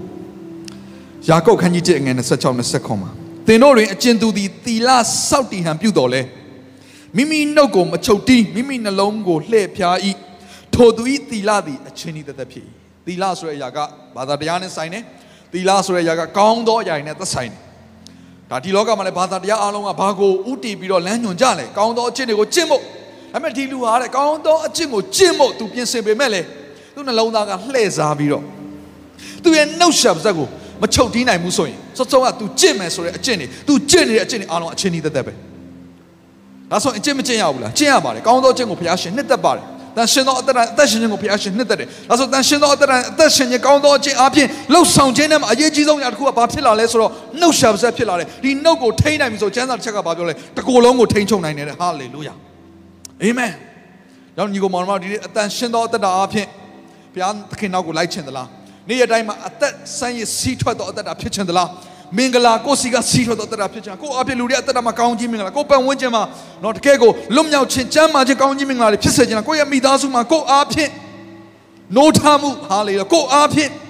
လွတ်မြောက်ခြင်းသက်တာခြင်းကြွယ်ဝခြင်းတွေဖြစ်ချင်လားဒီနှုတ်ရှာပါစနဲ့အရင်ဆုံးအစပြုပါနှုတ်ရှာပါးစပ်နဲ့အရင်ဆုံးအစပြုပါယာကုပ်3 နှစ်ကနေငါမှာငါတို့ရှိသမျှသည်အများသောအားဖြင့်မှားတတ်ကြ၏စကားအဖြစ်မှားခြင်းမရှိသောသူမြည်သည်ကစုံလင်သောသူဖြစ်၏မိမိတကိုယ်လုံးကိုချုပ်တီးနိုင်သောသူဖြစ်၏အဲ့တော့စကားကိုထိန်းနိုင်ပြီဆိုရင်တကိုယ်လုံးကိုထိန်းနိုင်ပြီစုံလင်သောသူပဲဖြစ်ပြီတဲ့အခုကျွန်တော်တို့အဓိကပြဿနာကဘာလဲကျွန်တော်တို့ယုံကြည်သူများအားလုံးကျွန်တော်တို့လူသားများအားလုံးကြုံရတဲ့အဓိကပြဿနာဘာလဲနှုတ်ရှာပါးစပ်ဖြစ်တယ်လူတွေမြောက်များစွာအယီချင်းရှိတယ်နှုတ်ရှာပါးစပ်ကိုမထိန်းနိုင်လို့အဆက်ကွဲရတယ် လူတွေရဲ့အမုန်းခံရတယ်အချိန်မတန်တဲ့စကားတွေကိုပြောတဲ့အခါမှာပြောနေတဲ့စကားတော့ကောင်းပါတယ်သို့တော်လည်းပဲဒီနှုတ်ရှာပါးစပ်ကိုမှန်ကန်စွာထိန်းချောင်းခြင်းမပြုတ်နိုင်တဲ့အခါမှာအချိန်မတန်မနဲ့မသိတော့တဲ့စကားကိုပြောမိတဲ့အခါမှာကဲ့ရဲ့စရာအကြောင်းရှိတယ်အဆက်ကွဲရတယ်အဲ့လိုအသက်တာမျိုးဘုရားရှင်အလိုမရှိတဲ့အခါမှာဘုရားကဘာကိုလောက်ခိုင်းလဲမင်းနှုတ်ရှာပါးစပ်ကိုထိန်းပါအဲ့နှုတ်ရှာပါးစပ်ကိုထိန်းလိုက်နိုင်ခြင်းဟာတကိုယ်လုံးကိုထိန်းချုပ်နိုင်ခြင်းလည်းဖြစ်တယ်အဲ့တော့ဒီကျမ်းစာထဲမှာဒီယာကုပ် ခန်းကြီး3ထဲမှာသူက example လေးနဲ့ပြောထားတယ်စုစုပေါင်း example စုစုပေါင်း၄ခုရှိပါတယ်ပထမတစ်ခုကဘာလဲဆိုတော့နော်မြင်းရဲ့ဒါပါဇက်ကိုနော်ခွန့်နဲ့ကျွန်တော်တို့ခေါ်တဲ့ခေါ်ဟိုကနဖားကျိုးပေါ့နော်ဆိုတော့ဒီမြင်းကဘလောက်ပဲခွန်အားရှိရှိတဲ့သူကနဖားကျိုးကိုထိမ့်လိုက်နိုင်ပြီဆိုရင်အဲ့မြင်းရဲ့ခွန်အားအလုံးကိုထိမ့်လိုက်တာနဲ့တူတယ်ဆိုတော့ရှာဟာအဲ့လိုပဲတဲ့သေးပါတယ်နော်မြင်းရဲ့ခွန်အားနဲ့ဒီကျိုးလေးနဲ့ဆိုတာကဘာမှ နှိုင်းရှင်စရာအကြောင်းမရှိပါဘူးဒါပေမဲ့အဲ့ဒီကျိုးကိုမြင်းရဲ့နော်ဒီနဖားကျိုးအနေနဲ့တုံးလိုက်တဲ့ခါမှာအင်မတန်မှခွန်အားကြီးတဲ့မြင်းဟာအဲ့နဖားကျိုးလေးကိုကင်လိုက်တာနဲ့ရပ်သွားရတယ်ပြေးဆိုရင်လည်း तू ကပြေးရတယ်ပြန်ပြီးတော့ထိမ့်ချုပ်နိုင်တယ်ဒီသဘောပဲဒီနေ့ကျွန်တော်တို့ရဲ့နှုတ်ရှာပါစက်ဒီကျွန်တော်တို့ရဲ့စကားတွေဟာတဲ့သေးပါတယ်ဒါပေမဲ့ကြီးမားသောအရာတွေကိုထိမ့်ချုပ်နိုင်တဲ့ခွန်အားဖြစ်တယ်ဆိုတာကိုဒီကျမ်းစာပြင်နားလည်ရနောက်ထပ်နော်တစ်ခုကတော့ဗာလဲဆိုတော့ तू ကသင်္ဘောမှာ သင်္ဘောရဲ့သွားရလမ်းကြောင်းကိုထိန်းတယ်တက်မနဲ့သွားပြီးတော့နှိုင်းရှင်ထားပါတယ်ဒီကျမ်းစာထဲမှာပဲနော်ထိုမှတပါအလွန်ကြီးသောသင်္ဘောသည်ပြင်းစွာသောလေဟုန်နှင့်လွင့်သွားတော့လေတက်မကိုအလိုရှိသည့်တိုင်ငယ်သောတက်မဖြင့်လှက်တဲ့ဤအဲ့တော့ဒီသင်္ဘောအကြီးကြီးပဲတက်မကသေးသေးလေးဒါပေမဲ့ဒီတက်မလေးကိုဟိုဘက်ဒီဘက်ရိမ့်ပြီးတော့နည်းနည်းလေးကစားလိုက်တာနဲ့ဒီသင်္ဘောအကြီးကြီးကသူ့ရဲ့ဥတီယာပြောင်းသွားတယ်ဒီလိုပဲကျွန်တော်တို့အသက်တာထဲမှာနှုတ်ရှာဆက်ကိုထိမ့်လိုက်တာနဲ့တပြိုင်နက်တည်းကျွန်တော်တို့အသက်ရှင်ခြင်းလမ်းကြောင်းတွေဟာပြောင်းသွားနိုင်တယ် မကောင်းကမကောင်းတာကနေကောင်းတဲ့အရာအမင်္ဂလာကနေမင်္ဂလာကိုပြောင်းသွားနိုင်သလိုမင်္ဂလာကနေနဲ့အမင်္ဂလာကိုဒီနှုတ်ရှာပါးအဖြစ်အချိန်မရွေးလှည့်ပလိုက်လို့ရတယ်။ဒါကြောင့်ဒီနှုတ်ရှာပါးကိုထိန်းနိုင်ပြီဆိုရင်တကိုယ်လုံးကိုထိန်းနိုင်ပြီ။နောက်တစ်ခုကတော့ဘာနဲ့နှိုင်းရှင်လဲဆိုတော့မီးနဲ့နှိုင်းရှင်ပါတယ်။နော်မီးဆိုတာကငဲတယ်။ဒါပေမဲ့လည်းထင်းတွေမြောက်များစွာကိုရှို့နိုင်တဲ့မီးစာလေးဖြစ်တယ်ဆိုတဲ့အရာကိုကျွန်တော်နားလေရတယ်။အဲ့တော့မီးဆိုတဲ့အရာကသိတဲ့အတိုင်းပဲနော်အစာပြတဲ့ခါမှာတစ်သေးလေးပါဒါပေမဲ့ သူဟာလောင်စာရှိတဲ့အရာတွေကိုလိုက်လောင်ကျွမ်းရင်းကနေပြီးတော့ဘယ်သူမှမငြိမ်းသက်နိုင်တဲ့မီးဖြစ်နော်အန်တရပေးနိုင်တဲ့အရာတစ်ခုဖြစ်လာတယ်ဒါကြောင့်ကျွန်တော်တို့ရှာကိုမထိန်နိုင်ဘူးဆိုရင်ထိုရှာအားဖြင့်ကျွန်တော်တို့ဘေးမှာရှိသောအရာခတ်သိမ်းကိုယ့်ရဲ့အသက်တာပင်လျင်လောင်ကျွမ်းခြင်းဆိုတဲ့အရာကိုရောက်သွားမှာဖြစ်တယ်နောက်ထပ်နော်ကျွန်တော်ခိုင်းနိုင်ထားတဲ့အရာတစ်ခုကတော့အစိတ်တောက်ဖြစ်တယ်အစိတ်တောက်ဆိုတာဒီတိုင်းပဲအင်တာမနဲပါတယ်နော်အစိတ်တွေအများကြီးနော်ကျွေးစရာမလိုပါဘူးနည်းနည်းလေးအစိတ်လေးထည့်လိုက်တာနဲ့နော်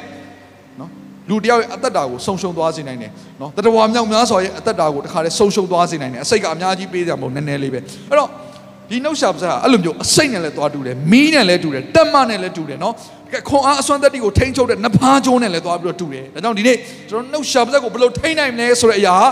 အင်မတန်မှအရေးကြီးသွားပြီဒါကြောင့်ဒီနေ့နှုတ်ကပတ်တော်မှာကျွန်တော်ဘယ်လိုထိန်းမလဲနှုတ်ရှာပါးစပ်ကိုဟာလေလုယာဘလို့စကားတွေကိုเนาะကျွန်တော်တို့မပြောဘူးလဲဆိုတော့မလုတ်တဲ့ဘက်ကနေပြီးတော့အချက်ခုနှစ်ချက်အပြင် နှုတ်ကပတ်တော်ဝင်ငှခြင်းနဲ့ဒီအချက်ခုနှစ်ချက်ကိုသင်သေချာမှတ်ထားပြီးတော့ဒီအချက်ခုနှစ်ချက်ထဲမှာနော်ပြောထားတဲ့အကြောင်းအရာတွေကိုသင်ကသာထိန်းချုပ်မယ်ဆိုရင်သင်ရဲ့နှုတ်ဆက်ပတ်ကိုထိန်းချုပ်ပြီးသားဖြစ်လိမ့်မယ်။သင်နှုတ်ဆက်ပတ်ကိုထိန်းချုပ်ပြီးသွားပြီဆိုရင်သင်ရဲ့တဏ္ဍာဟာကောင်းကြီးမင်္ဂလာခံစားတော်တတ်တာဖြစ်လာလိမ့်မယ်။မယုံဘူးဆိုရင်စမ်းကြည့်ပါ။2021ဟာခြားနေတဲ့သူမှမဟုတ်ဘူး။ဘာကြောင့်လဲဆိုတော့သင်ရဲ့နှုတ်ရှာပါးကိုသင်ကောင်းမွန်စွာထိမ့်သိမ့်နိုင်ခဲ့လို့ဖြစ်တယ်ဟာလေလုယာအဲ့တော့ okay နံပါတ်1ချက်အဲ့တော့ဒီနေ့အချက်လက်တွေက နော်ကျွန်တော်တို့မလောက်ရဘူးဆိုတဲ့ဘက်ကနေကျွန်တော်သွားမယ်နော်ဟိုကလောက်ပါဒီကလောက်ပါမဟုတ်ဘူးမလောက်နဲ့ကဲပထမဦးဆုံးမလောက်ရမယ့်အရာကဘာလဲစကားမများနဲ့စကားမများနဲ့တုတ်တန်ခန်းကြီး30ငယ်19ကစကားများသောအဖြစ်အပြစ်ပါတတ်ဤမိမိနှုတ်ကိုချုပ်တီးသောသူမူကားပညာရှိကိုယ့်ရဲ့အားနည်းချက်တွေလူတွေသိသွားတာဘာကြောင့်လဲကိုယ်ပဲစကားများလို့ဖြစ်တယ်စကားနေတဲ့လူက तू ကဘာမှမဟုတ်ဘူးဆိုတော့လူတွေကနေရင်ထိုင်ရင်ထိုင်တော့ तू ကအထင်ကြီးတတ်တယ်ကြည့်ပြီးတော့ဒီတယောက်ကပညာရှိလားမသိဘူးပေါ့နော်ဒါကြောင့်ကျွန်တော်ပြောခဲ့တဲ့ဇာတ်လမ်းလေးတစ်ခုရှိတယ်တရက်တော့ရွာတကြီးကသူ့ရဲ့သမီးကိုသူကယောက်ျားပေးစားခြင်းတော့ရွာထဲမှာလိုက်ကြည့်တယ်ဘယ်သူမှသူအားမရဘူးဒါပေမဲ့တနေရာရောက်တဲ့ခါကျတော့လူငယ်တစ်ယောက်ကိုတွေ့တယ်ခါတဲ့သူကသူ့ရဲ့မုတ်ဆိတ်မွေးကိုပို့ပြီးတော့စဉ်းစားနေတာဟာအရန်သဘောကျတယ်နောက်တရက်သွားကြည့်တယ်မုတ်ဆိတ်မွေးကိုပို့ပြီးတော့စဉ်းစားနေ ဟာကျန်တဲ့လူငယ်တွေကတော့မျိုးစုံနေမှာပေါ့လေဒါပေမဲ့ဒီတယောက်ကတော့ထူးကြတယ်ဘယ်သူနဲ့မှမတူဘူးဘာစကားမှမပြောပဲစဉ်းစားနေတာဟာဒီတယောက်ဟာတကယ်အတွေးခေါ်ပညာရှင်ပဲငါသမီးကိုသူနဲ့ပေးစားလိုက်ရင်တော့ငါသမီးမျက်နှာငယ်ရမှာမဟုတ်ဘူးတခါတည်းပညာရှိပဲဆိုပြီးတော့ပေးစားလိုက်တယ်မင်္ဂလာလဲဆောင်းလဲဆောင်းပြီးရောသူ့တမက်ကိုကြည့်တော့မုတ်စင်မွေပုတ်ပြီးတော့သူစဉ်းစားနေတော့မယ်အေးဟုတ်ပါပြီစဉ်းစားပါစေပေါ့နော်ဒါသူကစဉ်းစားတဲ့လူဆိုကဲနောက်ထပ်တစ်ရက်လဲစဉ်းစားနေတော့မယ်မဟုတ်သေးဘူးရက်ပေါင်းများဆိုတော့သူကမုတ်စင်မွေပဲပုတ်ပြီးစဉ်းစားနေတော့သူ့ရဲ့ တမက်ကိုမေးလိုက်တယ်ငါသာမင်းမင်းကငါငါရဲ့သမီးနဲ့လည်းမင်္ဂလာဆောင်ပေးပြီးသွားပြီအခုဒီမုတ်စိတ်မွေပုတ်ပြီးစဉ်းစားနေတာမင်းအနာဂတ်တော့ဘာတွေများကြံစီနေတာလဲငါ့ကိုပြောပြစမ်းမမင်းအကြံစီနေပြောတဲ့ခါမှာသူ့တမက်ကဘာပြန်ပြောလဲဆိုတော့ကျွန်တော်စဉ်းစားနေတာကတဲ့ဒီမုတ်စိတ်မွေဟာသပင်ရဲ့အမြင့်လားလို့စဉ်းစားနေတာအဲ့တော့ဆိုလိုချင်တာကတော့သဘောကျတယ်နော်ဆရာဒေးဗစ်ဆရာဒေးဗစ်လည်းစဉ်းစားဘူးတယ်ထင်တယ် အဲ့တော့စကားမပြောဘဲနဲ့ဒီတိုင်းနေရင်ဘာမှမဟုတ်တဲ့လူတော်မှလူတွေကနေရင်ထိုင်ပညာရှိလို့ထင်တတ်တယ်ဒါကိုပြောချင်တာကျမ်းစာကအဲ့တော့ပြောချင်တာပါလေစကားမများနဲ့စကားများရင်အမှားပါတယ်ဒေသနာခန်းကြီး9ငယ်နှစ်ကနေခွန်မှာသင်နှုတ်သည်တတိမလစ်စေနဲ့ဘုရားသခင်ရှေ့တော်၌စကားပြောခြင်းကသင်စိတ်နှလုံးမလင်မြန်စေနဲ့ဘုရားသခင်သည်ကောင်းကင်ဘုံ၌ရှိတော်မူ၏သင်သည်မြေကြီးပေါ်မှာရှိထို့ကြောင့်သင်ဤစကားမများစေနဲ့ ကျွန်တော်တို့တခါတလေလွယ်လွယ်နဲ့ဂတိတွေပေးတတ်တယ်လူတွေရှေ့မှာဆိုရင်နည်းနည်းတော်သေးတယ်လူတွေလောက်ပဲအဆက်ကွဲတာဘုရားသခင်ရှေ့ကြတော့မရဘူးဒီကျမ်းစာဘာနဲ့ဆက်ဆက်လဲဆိုတော့ဂတိပေးပြီးဆိုရင်ဂတိအဲ့သစ္စာဂတိကိုပြန်ဖြေပါဆိုတဲ့ကျမ်းစာနဲ့ဓာတ်ရိုက်ဆက်ဆက်တယ်ဒီကျမ်းစာထဲမှာပဲပါတာအဲ့ကျမ်းစာကနောက်ဆက်ပြီးတော့ဖတ်သွားမယ်ဆိုရင်ဘုရားရှိခိုးဂတိပေးပြီးဂတိသစ္စာဝတ်ကိုဖြေပါဒါဆိုရင် तू ဘာကိုပြောချင်တာလဲဘုရားရှိခိုးလွယ်လွယ်ဒီပါဇက်အားဖြင့်စကားမများနဲ့ဘုရားအကုန်မှတ်ထားတာဘုရားသခင် ကိုရကောင်းကြီးပေးမယ်ဆိုရင်ဟိုဟာလူမယ်ဒီဟာလူမယ်ဘုရားမှတ်ထားပြီကိုကတော့တခါလဲဆူတောင်းချက်လို့လို့ဘာလို့လဲပြောမိလိုက်တာကိုရောရဲ့ဒီဟာဖြေရရင်တော့ကိုရောအတွက်ကျွန်တော်ဘလို့အသက်ရှင်နိုင်မှာကျွန်မဘလို့အသက်ရှင်နိုင်မယ်ချိုးတွေဆိုရင်လည်းတခါလဲဟာကိုရောနောင်တရပါပြီဘုရားနောင်တရပါပြီလို့ပြောရင်ဘုရားနောင်တရပါပြီဆိုပြီးသူကသတ်မှတ်တာလေဘာကြောင့်လဲဒီနှုတ်ဆက်ဒီအတွင်းထဲကသူရဲ့ဆုံးဖြတ်ချက်သူကနှုတ်ဆက်ပါစကဝန်ခံတာကိုဒါပေမဲ့အဲ့ဒီနောင်တရပါပြီဆိုရင်နောက်တစ်ချိန်ပြန်မလုံမိဖို့ကိုလည်းဘုရားရှင်တခါလဲမှတ်ထားပြီးသားဖြစ်တယ် ဆိုတော့ဘုရားကိုလှည့်စားရတယ်တူတယ်ဖះကိုသွားပြီးတော့ညာလိုက်တာနဲ့တူတယ်ဒါကြောင့်မလို့တကယ်နောင်တမရရင်လည်းဘာမှမပြောပါနဲ့ဟုတ်ကိုယ့်တရာကိုစင်ကြင်ပါဦးဒါပေမဲ့တကယ်နောင်တရပြီဆိုရင်လေဖះရှိမှပြောထားတဲ့စကားကိုအတီဖြစ်ဖို့ရန်နောက်ကြောင်းပြန်လှည့်ဖို့မစင်စားပါနဲ့နောင်တဆိုတဲ့အရာကပါလဲနောက်တစ်ချိန်ထို့အရာကိုပြန်မလုပ်တော့တာကိုနောင်တလို့ခေါ်တယ်ထက်ကထက်ကပြန်လုပ်နေမှာတော့အဲ့ဒါနောင်တမဟုတ်တော့ဖះရှိမှသွားပြီးတော့တခါလေလက်လွတ်စပယ်စကားမများမိစေနေတဲ့အချမ်းစာအဲ့လိုပဲပြောတယ် အမှုများသောအဖြစ်အိမ်မက်မြင်တတ်တဲ့ကဲ့သို့စကားများသောအဖြစ်မိုက်တော်သူသည်အတန်ကြာရ၏ဘုရားသခင်ထံတော်၌သစ္စာဂတိပြုမိလျင်သစ္စာဝတ်ကိုမဖြေဘဲမနေနှင့်မိုက်တော်သူတို့ကိုအာရနှစ်သက်တော်မမူသစ္စာဂတိပြုသည့်အတိုင်းဝတ်ကိုဖြေတော့ကဲဒီနေ့ပြန်ပြီးတော့တက်တာကိုဆင်ခြင်ဆန်းစစ်အောင်ခဏလောက်ဒီနေရာမှာဒီကျမ်းစာလေးအញ្ញမ်းရေးကြည့်ပါတယ်ဒါလူတွေရှစ်မဟုတ်ဘုရားရှစ်ဖြစ်သွားပြီ ဆိုတော့ကျွန်တော်ရှေ့မှာပြောခဲ့တဲ့အရာကတော့ကျွန်တော်နှုတ်ဆက်ပတ်ကိုထိန်းနိုင်မယ်ဆိုရင်ကျွန်တော်ရဲ့အသက်တာမှာကောင်းတဲ့အရာတွေတွေ့မယ်အများသောအားဖြင့်လူတွေရဲ့ရှေ့မှာထိန်းရတာဟုတ်ဒါပေမဲ့ဒီချမ်းစာကတော့ဖခင်ရဲ့ရှေ့မှာစကားကိုထိန်းခိုင်းတာဒါပေမဲ့ဖခင်ရှေ့မှာပြောမိပြီဆိုရင်ဖခင်ကိုသစ္စာပြုမိပြီဆိုရင်တဲ့အဲ့ဒီအတိုင်းလုပ်ပါဘာကြောင့်လဲဖခင်မှတ်ထားတယ်သစ္စာဂတိပြုသည့်အတိုင်းဝတ်ကိုဖြေလို့သစ္စာဂတိပြု၍ဝတ်ကိုမဖြေဘဲနေသည်ထက်သစ္စာဂတိအလင်းမပြုဘဲနေသောတာ၍ကောင်း၏သင်နှုတ်သည် သင်ကိုခန္ဓာ၌အပြစ်မရောက်စေနှင့်ကျွန်ုပ်မှားပါပြီဟုတမန်တော်ရှေ့မှာပြောရတော့အကြောင်းမရှိစေဒီညမှာတမန်တော်လို့ပြောတဲ့အခါမှာ angels ကောင်းကင်တမန်တွေကိုပြောတာဖြစ်တယ်ဘုရားသခင်သည်သင်၏စကားတန်ကိုအမျက်ထွက်၍သင်ပြုစုသောအမှုကိုအပဲကြောင့်ဖြစ်စီတော်မူရမည်နီဘုရားရှေ့မှာလွယ်လွယ်ကလေးမပေးပါနဲ့ကိုတော့မှားပါပြီဒီဟာလုံးပြီဆိုနောင်တစကားကိုလွယ်လွယ်မပြောနဲ့ကောင်းကင်တမန်တွေကမှတ်ထားတယ်ကောင်းကင်တမန်တွေအကုန်လုံးမှတ်တမ်းတင်ထားတယ်ကျွန်တော်တို့ဒါဗျာဒိတ်ချမ်းကိုဖတ်ရင်အားလုံးသိမှာပါ ဘာတွေတွေ့ရလဲစာဆောင်တွေတွေ့ရတယ်စာလိပ်တွေတွေ့ရတယ်စာအုပ်ဆိုတဲ့ຢာကိုတွေ့ရတယ်အသက်စာဆောင်ဘာကိုပြောတာလဲကောင်းကင်မှာမှတ်တမ်းတင်ထားတယ်ဒါကိုပြောချင်တာဘာတွေမှတ်တမ်းတင်ထားလဲကျွန်တော်တို့ပြောတဲ့စကားတွေကအစတစ်လုံးချင်းစီအသေးစိတ်သင်မမှတ်မိရင်လည်း ဘုရားခင်အကုန်လုံးကိုမှတ်ထားတယ်ဒါကြောင့်မလို့ကျွန်တော်တို့နော်စကားများခြင်းအပြင်ကျွန်တော်တို့ရဲ့အသက်တာထဲမှာအပြစ်ဖြစ်เสียအကြောင်းကိုယ့်အသက်တာဆုံးရှုံးเสียအကြောင်းမဖြစ်ဖို့ရန်အတွက် သတိပြုပါဒါကြောင့်ပထမဦးဆုံးနံပါတ်1ချက်ပါလဲစကားမများနဲ့မလို့အဖက်စကားရှော့ရှော့မပြောနဲ့ကဲနံပါတ်2ကလည်းအလားတရံတူပါတယ်နော်အပို့စကားတွေမပြောနဲ့ပုတ်ပုတ်သားသားမပြောနဲ့ပေါ့မသက်ခန်းကြီးငါငယ်30ခွန်မှာယေရှုခရစ်တော်ကဒါတောင်မော်ဒေသနာလည်းဖြစ်တယ်တောင်မော်ဒေသနာဆိုတာကဒါနှုတ်ကပတ်ကျမ်းစာထဲမှာဆိုရင်ကျမ်းစာကိုလေ့လာတဲ့လူတွေဆိုရင်ဒါတကယ်ကိုအကောင်းဆုံး ဒေသနာတစ်ခုဆိုတဲ့အရာကိုမှတ်တမ်းတင်တာပေါ့နော်ဒါစာပေရှုတော်ငါပဲပြောပြောတရားဟောချက်ကပဲပြောပြော revelation ဘက်ကပဲပြောပြောကောင်းကင်နိုင်ငံတော်နဲ့ဆိုင်တဲ့အရာပဲပြောပြောဆိုတော့ဒီကတိတ်အရေးကြီးတယ်အဲ့ထက်မှပါပါလေအငယ်30ခုမှာသင်စကားမှာဟုတ်တီကိုအဟုတ်မဟုတ်တီကိုမဟုတ်ဖြစ်စေလောဤထက်လွန်သောစကားသည်မကောင်းသောအရာနှင့်ဆက်ဆိုင်ပေ yes ဖြစ်ရမယ်ကို yes ပဲ no ဖြစ်ရမယ့်အရာကို no ပဲပြောဖို့ဘုရားရှင်လို့ရှိတယ် ဟုတ်ဒီကိုဟုတ်မဟုတ်ဘူးဆိုမဟုတ်ဘူးပို့ပြီးတော့လည်းမပြောနဲ့နော်ရှော့ပြီးတော့လည်းမပြောနဲ့အရှိရှိတိုင်းအဲ့တော့ကျွန်တော်တို့ကပို့ပို့တတာလေးပြောတတ်တဲ့သဘောလေးတွေသိရှိတယ်လူတွေကိုအထင်ကြီးစေခြင်းတယ်တော့စကားကောင်းမှတော့စကားပြောကောင်းတဲ့ခါကျလူကကြားတယ်လေနော်စကားပြောအရင်ကောင်းတဲ့လူတွေကိုလူတွေကကြွေးတယ်အဲ့တော့ marketing သဘောတရားတွေအများကြီးပါတယ်။ ဒါကြောင့်ကျွန်တော်တို့ online မှာမှာတာနဲ့အိမ်ရောက်လာတာနဲ့မတူတာတွေအများကြီးရှိတယ်ဆိုတာဒါမျိုးတွေပေါ့။အခုကျွန်တော်တို့ online kit ဆိုတော့ဒီနေ့လဲဒါနှုတ်ရှာပါစက်လို့ပြောတဲ့အခါမှာအခုကျွန်တော်တို့ kit မှာဘာလဲပါလာပြီဆိုတော့ Facebook လဲပါလာပြီ။ဒါကြတော့ Facebook ဆိုတာကိုယ့်ကိုကိုယ်စားပြုတာ။ကိုရေးလိုက်တဲ့အရာကိုတင်လိုက်တဲ့ဗီဒီယိုထဲမှာပါတဲ့စကားတွေဒါတွေအားလုံးကိုကိုမသိတဲ့လူတွေကကြည်နေကြတယ်။ကျွန်တော် friend လို့ပြောပေးမယ်လေကိုမသိတဲ့လူတွေအများကြီးပဲကျွန်တော်လဲ friend list ထဲမှာ9000လောက်ရှိပါတယ်နော် အများကြီးပဲမသိတာတခါမှလည်းအပြင်မှာမတွေ့ဘူးတဲ့လူတွေအများကြီးရှိတယ်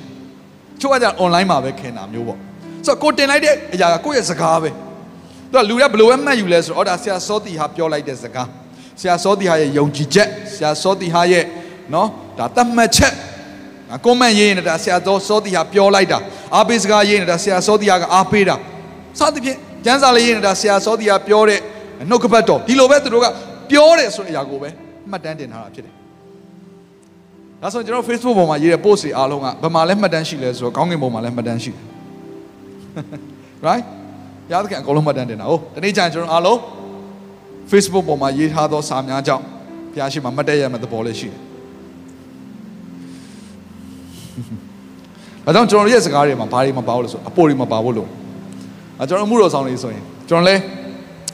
စင်ကူပါနေခဲ့တော့ဆိုအဲ့မျိုးလေးတွေပေါ့နော်ပြောခဲ့တဲ့အမှားလေးတွေရှိတယ်ဆိုတော့မင်းရဲ့ဖះเจ้าမှာလူဘယ်နှယောက်ရှိလဲ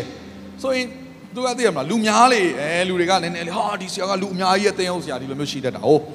ဟာကျွန်တော်ဆိုလူ100ကျော်ရှိတယ်အမှန်တော့သူကလူ100တော့မနေပြည့်အောင်နော် Sunday ဆိုနည်းနည်းနော်ရေတွက်လိုက်100တော့တိတ်ပြည့်ချင်တာမဟုတ်ဘူးဟာ100 100ကျော်တော့ဒါလေးပဲဒါမျိုးပေါ့ပြောလေးရှိတယ်နော်ဒါကအင်္ဂလိပ်တရားဟောပွဲလုပ်တယ်ဆိုရင် ဘသူကမှဒီနေ့တယောက်ပြောင်းလဲတယ်လို့သိမပြောဘူးလူထောင်နဲ့ချီပြီးတော့တခါတရားဟောပြီးသွားရင်ရှေ့မှာထွက်ဆက်ခဲ့တဲ့လူတွေရှိတာကိုတေချာတဲ့တချို့ကရည်ထားတာမဟုတ်ပါဘူးဟာအဲ့ဒီကတော့ဘယ်နှယောက်လူ900လောက်ပြောင်းလဲတယ်အဲဒါမျိုးပြောတာဟာလူ1000လောက်ပြောင်းလဲတယ်လာတဲ့လူတော်မှလူကနော်1000ကျော်ကျော်လေးပဲရှိအလူ1000လောက်ပြောင်းလဲတယ်ဒါမျိုးပြောလေပြောတာရှိတယ်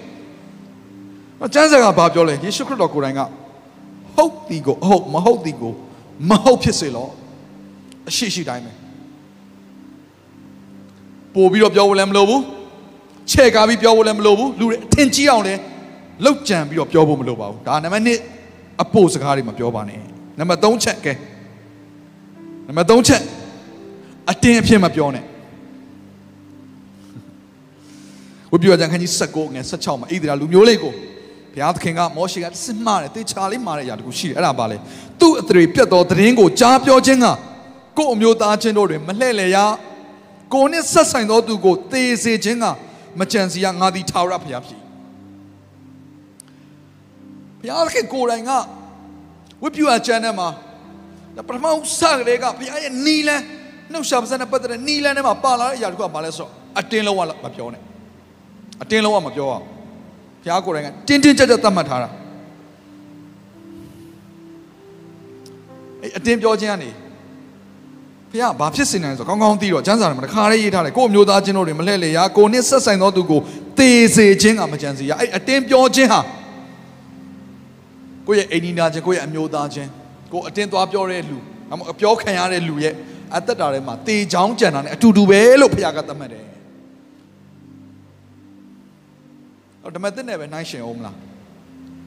ဓမ္မသစ်ဆိုပို့ပြီးတော့ခရစ်တော်ရဲ့နော်တရားကပိုတော်မှနော် မြင့်သွားသေးတယ်ပညာတရားကပဲဒါမလုံးနဲ့ဒါမလုံးနဲ့ဆိုလိုက်ပြီးတော့နော်ကျွန်တော်တို့ကထိမ့်လိုက်ရင်မဆိုးဘူးဒါပေမဲ့ဓမ္မသစ်ကိုရောက်လာတဲ့အခါမှာခရစ်တော်ရဲ့တရားကစိတ်နှလုံးဆိုတဲ့အရာကိုအတိကသွားတယ်စိတ်နှလုံးအကျင့်အဲ့တော့နောက်ဆုံးပြောမှာဆိုအတင်းဖြစ်မှာပြောဖြစ်ရင်တော့မှအแทမှာနော်ကိုယ်နဲ့ဆက်ဆိုင်သောသူတစ်စုံတယောက်ရဲ့မကောင်းကြောင်းကိုစဉ်းစားနေမယ်ဆိုတော့ကျွန်တော်နှလုံးသားယိုယွင်းပြီးတနေ့ကျရင်ထွက်လာတယ်အဲ့တော့အဲ့ဒါကိုဘုရားသခင်ကဘယ်လိုသတ်မှတ်လဲဆိုတော့ကျွန်တော်ရဲ့အတွင်းနှလုံးသားထဲမှာ ကိုယ့်ရဲ့အမျိုးသားချင်းတစ်စုံတစ်ယောက်အတွက်တေချောင်းကြံတယ်မကောင်းသောအရာကိုကြံစီရပျက်စီးဖို့ရန်ကြံစီရလို့ဘုရားသတ်မှတ်လိုက်တာသိပြီးတော့ကြောက်ဖို့ကောင်းပါတယ်တုတ်တန်ခန်းကြီး78ငွေ8မှာဂုံးတိုက်သောသူ၏စကားသည်မြိန်သောခဲပွဲစားပွဲကဲ့သို့ဖြစ်၍ဝမ်းအတွင်းသို့ဝင်တတ်၏လူရဲ့သဘောကလည်းထူးဆန်းတယ်တရယောက်ကလာပြီးတော့နော်ဇုံတယောက်ရဲ့မကောင်းကြောင်းပြောပြီးဆိုရင်အဲ့နားထောင်တဲ့လူကလည်းအယံဝမ်းသာအားရသူကလာပြီးပြောပြီးဆိုကြတဲ့ကသူက နော်အဲ့ဒီသူနားထောင်မဲ့သူကလည်းအဲ့ဆောဆောအတင်းပြောခံရမဲ့သူကိုသူကလည်းတစ်ဖက်မှာနော်မကောင်းတဲ့အရာဖြစ်ဖို့ရန်စဉ်းစားနေတာဖြစ်နိုင်မနှလုံးသားယိုယွင်းနေတာကိုအဲ့တော့ဘာဖြစ်လဲဆိုတော့လူရဲ့သဘောကသူကယိုယွင်းတဲ့သဘောရှိတဲ့ခါကျတော့အတင်းလာပြောတဲ့အချိန်မှာသူကမီးလောင်တဲ့အရာကိုတစ်ခါလောင်စာစီထည့်ပေးလိုက်သလိုဖြစ်သွားတာအဲ့တော့ကျမ်းစာဘယ်လိုပြောလဲသိလားအဲ့ဂုံးတိုက်သောသူရဲ့စကားဟာတဲ့မြိန်သောခဲပွဲစားပွဲကဲ့သို့ဖြစ်၍ဝမ်းအတွင်းသို့ဝင်တတ်၏အတွင်းနှလုံးသားထဲကိုရောက်သွားအသက်တာထဲကိုရောက်သွားအောင်အမြင့်ဆွဲသွားရော သူကခါတယ်လို့မပြောဘူးနော်အဲ့ဂုံးတိုက်တဲ့စကားအတင်းပြောတဲ့စကားဟာတဲ့နားထောင်ရတာခါတယ်လို့မပြောဘူးနားထောင်လို့အရန်ကောင်းတယ်အဲ့ဒါလူရဲ့သဘောလူတယောက်ရဲ့မကောင်းကြောင်ပြောပြီးဆိုဟာအရန်အားရတယ်ကျင်နဲ့တယ်အပြင်မှာတော့ဘာမှတော့မဖော်ပြဘူးဒါပေမဲ့အထဲထဲမှာတော့အကျိတ်ပြီးတော့ကျင်နဲ့နေတာအဲ့ဒါဘာကိုပြောတာလဲစောစောကဒီကျမ်းစာပဲစကားဒီနော်ဂုံးတိုက်တော်သူစကားဒီမြိန်သောခဲပွဲစားပွဲကဲ့သို့ဖြစ်၍ဝမ်းအတွင်းသို့ဝင်တတ်၏ဘ ယ်နှယောက်ကများဒီနေ့ကျွန်တော်တို့မြိန်သောစားပွဲခဲပွဲတွေကိုချိန်ပေါင်းချိန်ပေါင်းမြောက်များစွာစားနေတယ်ချိန်ပေါင်းမြောက်များစွာသွားကျွေးနေတယ်ဒီနေ့နောင်တရပါအတင်းဖြစ်မပြောရပါဘူးတုတ်တယ်29မှာလေ၍စကားများသောသူသည်လျှို့ဝှက်တတ်သောအရာကိုဖော်ပြတတ်၏တို့ဖြစ်၍ချော့မော့သောသူနှင့်မပေါင်းဖော်နှင့်အဲ့တော့ကျွန်တော်တို့အသက်တာမှာကျွန်တော်တို့အသက်တာကိုအပြောင်းလဲဖြစ်စေတဲ့အရာတစ်ခုကပါလဲဆိုကျွန်တော်တို့ဘေးပတ်ဝန်းကျင်မှာကျွန်တော်တို့ပေါင်းဖော်သောသူတွေဖြစ်တယ်အဲ့တော့ကျွန်တော်တို့ပေါင်းဖော်သောသူတွေထဲမှာအတင်းပြောတဲ့လူတွေရှိတယ်ဆိုရင် နံပါတ်1ချက်သင်လုပ်လို့ရတဲ့အရာကသင်ကိုသူ့ကိုအတင်းမပြောခိုင်းနဲ့နံပါတ်2ချက် तू ပြောနေတော့မဲ့ဆိုရင် तू နဲ့မပေါင်းနေတာပဲဘာကြောင့်လဲတင့်သက်တာပျက်စီးမှာမကောင်းသောသူနဲ့ပေါင်းဖော်ခြင်းဟာကောင်းသောအကျင့်တလေယိုယွင်းတယ်တဲ့ကျမ်းစာဒီလိုပဲပြောတယ်တော့သင်ပေးနာမှာလာပြီးတော့အမြဲတမ်းမကောင်းတဲ့အရာကိုပြောနေသင်အတွေးပုံရိပ်ထမှာဘာပဲပေါ်လာမလဲအဲ့လူရမကောင်းတဲ့အရာပဲပေါ်လာမယ်အဲ့လူရကောင်းခြင်းနဲ့အားလုံးပျောက်သွားရောအဲ့တော့ အဲ့ဒီအရာမှာမာနက်ကနေရာယူသွားတယ်စိုးညစ်တော့နှလုံးသားမှာနေရာယူသွားတယ်နောက်ဆုံးဒုက္ခရောက်လာပြီကိုယ်ပဲဒုက္ခရောက်လာအဲ့တော့တင့်ကိုဘုရားသခင်လွတ်မြောက်စေခြင်းနဲ့ဒါကြောင့်လို့ဒီသင်ရဲ့နှုတ်ရှာဇက်ကိုထိမ့်ဖို့လဲလို့သူအတင်းလည်းမပြောဖို့လို့သူအတင်းပြောသောသူတွေရဲ့စကားကိုလည်းနားမထောင်ဖို့ရန်အတွက်သင်ရဲ့အသက်တာမှာထိုအရာကို discipline လုပ်ပါစီကံချပါဆာလန်15တစ်ကနေ3 အိုထောင်ရဖျားတဲတော်၌အဘယ်သူသည်တဲရပါမည်နီဖျားမျက်မှောက်တော်ကိုပြောနေတာဖြစ်တယ်တန်ရှင်းသောတောင်ပေါ်မှာအဘယ်သူသည်နေရပါမည်နီဘယ်သူနဲ့မှမတူတဲ့ချီးမြှောက်ခံရခြင်းဖျားသခင်ရဲ့ဘုံစည်းစိမ်ကိုရခြင်းဆိုတဲ့အရာအဲ့ကောင်းကြီးမင်္ဂလာလောက်ကြီးတဲ့အရာမရှိတော့ဘူးဟယ်လိုဒီလောကမှာရှိတဲ့စီးစိမ်အဲ့ဖခင်တန်ရှင်းခြင်းဆိုတဲ့မင်္ဂလာဖခင်သခင်နဲ့အတူစိုးစံခြင်းအဲ့ဖခင်ရဲ့မျက်မှောက်တော်ထဲမှာအတူရှိနေခြင်းဆိုတာလားကောင်းတဲ့ကောင်းကြီးမင်္ဂလာမရှိတော့ပါဘူးဆိုတော့အဲ့လိုကောင်းကြီးမင်္ဂလာမျိုးဘယ်သူရလဲဆိုတော့တဲ့ဖြောင့်မတ်သောအကျင့်တရား ဖြောင့်မတ်သောအကျင့်တရားသောအမှုကိုပြုကျင့်၍တမန်စကားကိုစိတ်နှလုံးပါလျက်ပြောထသောသူတစ်ပါး၏အသရေကိုပြည့်စေခြင်းကပြောဆိုခြင်းကိုနှင့်ဆက်ဆိုင်သောသူ၏အကျိုးကိုပြစ်မှားခြင်းကိုနှင့်ဆက်ဆိုင်သောသူကိုလည်းကဲ့ရဲ့ခြင်းကိုရှောင်ထသောစပ်ဖတ်မယ်ဆိုရင်နော်ဒါဘုရားသခင်နှစ်သက်တဲ့အမှုတွေကိုကျွန်တော်တွေ့ရလိမ့်မယ်ဒီထဲမှာပထမအဦးဆုံးရောက်လာပါလာတဲ့ຢာကဘာလဲစကား နှုတ်ရှာပစံနဲ့ဆိုင်တဲ့ຢာဟာလေလုယာသစ္စာစကားကိုစိတ်နှလုံးပါတယ်ပြောတဲ့သူသူတို့မအတရေပြက်ချင်းကပြောဆိုခြင်းကိုနဲ့ဆက်ဆံသူအကျိုးပြစ်အကျိုးကိုပြစ်မှားခြင်းကိုနဲ့ဆက်ဆံသူကဲ့ရဲ့ခြင်းကိစ္စတွေအားလုံးကိုရှောင်တော်သူကဘသူနဲ့အတူနေရလဲဘုရားသခင်နဲ့အတူတန်ရှင်းသောတောင်ပေါ်မှာ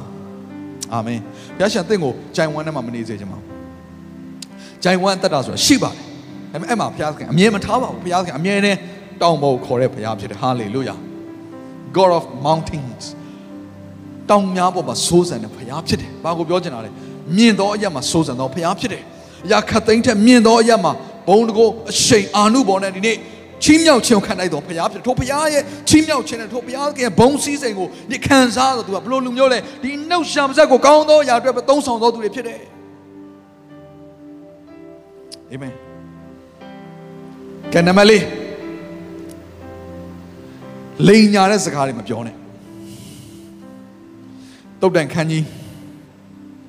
6เนาะမှာဆိုရင်အငယ်16ကနေ19ဖတ်မယ်ဆိုရင်ဘုရားသခင်မနစ်သက်တယ်တဲ့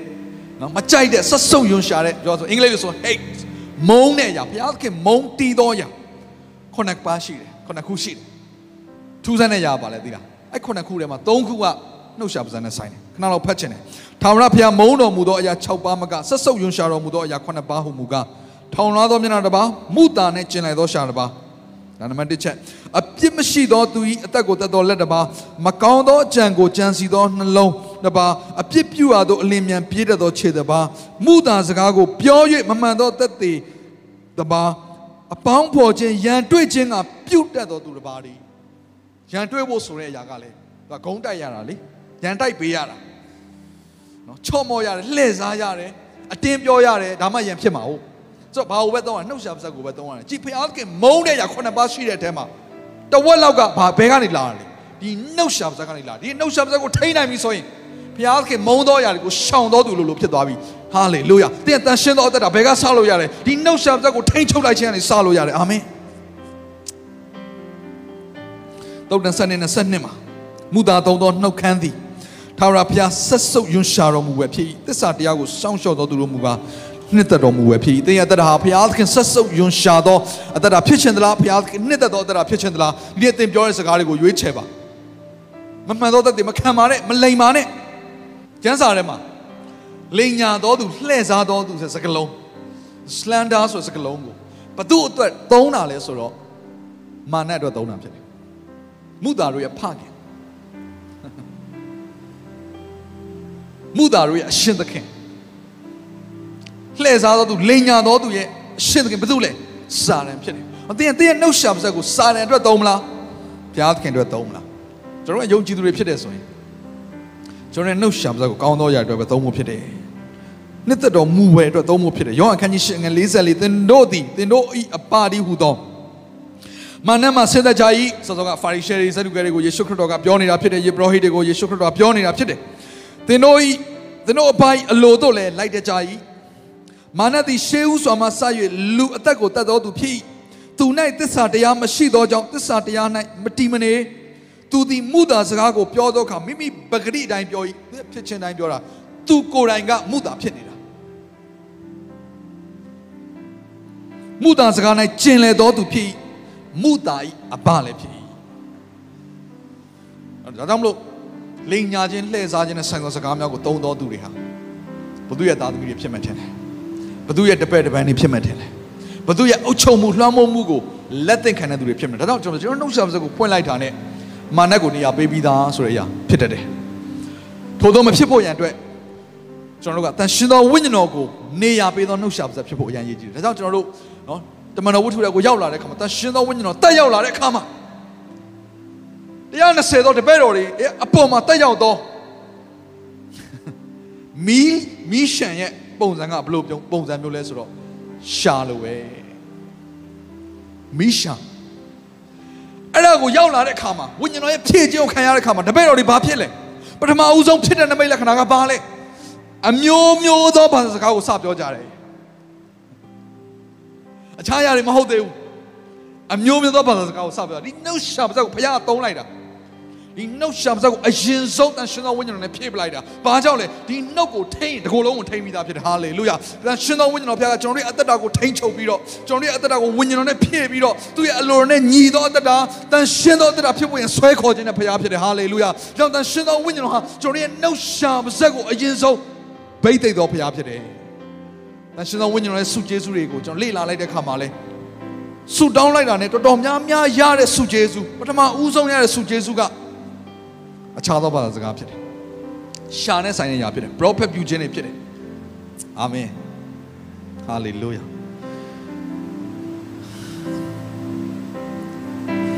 ကဲနံပါတ်5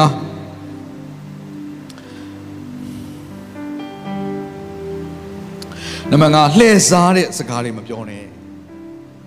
လှည့်စားတာ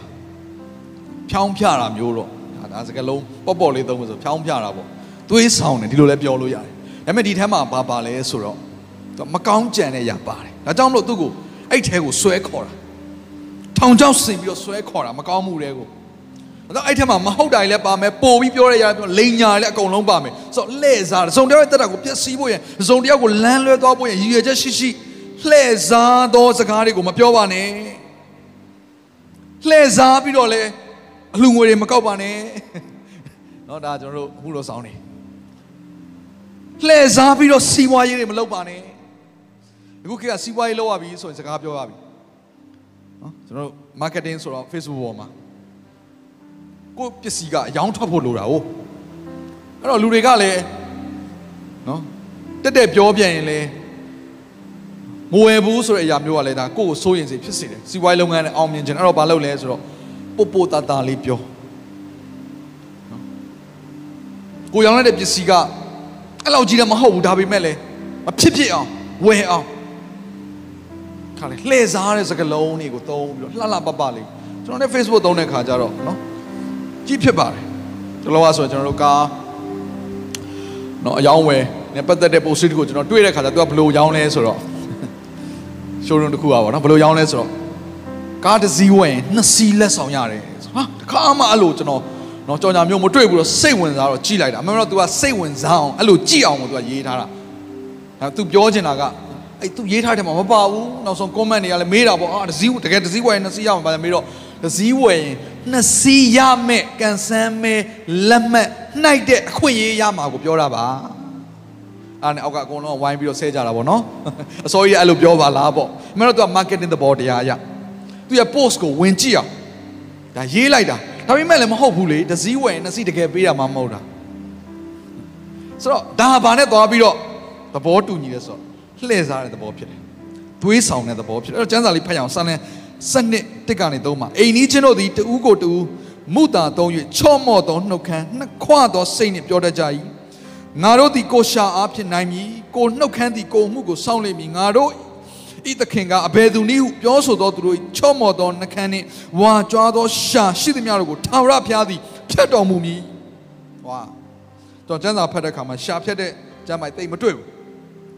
ဖြတ်ဖြတ်တဲ့တောက်တဲ့ကျမ်းမိုက်တိတ်မတွေ့ဘူးဒါပေမဲ့ဒီကျမ်းစာမှာဘုရားကပြောဆိုငါကိုယ်တိုင်ဖြတ်မယ်တဲ့ထာဝရဘုရားသည်ဖြတ်တော်မူမည်ဘာကိုပြောချင်တာလဲဒီမြင်နေရဒီရှာကြီးကိုဓာတ်နဲ့ဖြတ်တာမျိုးပြောတာမဟုတ်ဘူးကျွန်တော်နှုတ်ရှာပါးကထွက်သမျှဘာမှအတိမဖြစ်တော့ဘူးကျွန်တော်နှုတ်ရှာပါးကထွက်တဲ့အရာတွေကတကိုးမပါတော့ဘူး အသက်မဖြစ်တော့ဘူးအသက်တာတွေမပြောင်းလဲတော့ကောင်းကြီးမဖြစ်တော့ဘူးကျွန်တော်နှုတ်ရှာပါးကထွက်တဲ့ຢာတွေအားလုံးအမင်္ဂလာဖြစ်လာမအောင်မြင်တော့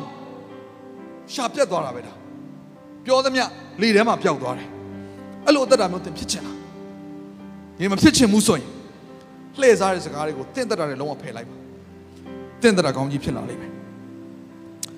တုတ်တန်26 28မှာမူတာပြောတတ်သောသူသည်မိမိညှင်းဆဲသောသူတို့ကိုမုန်းတတ်၏ ချော့မော့သောသူသည်လည်းဖြစ်စီတတ်၏29 5မှာလည်း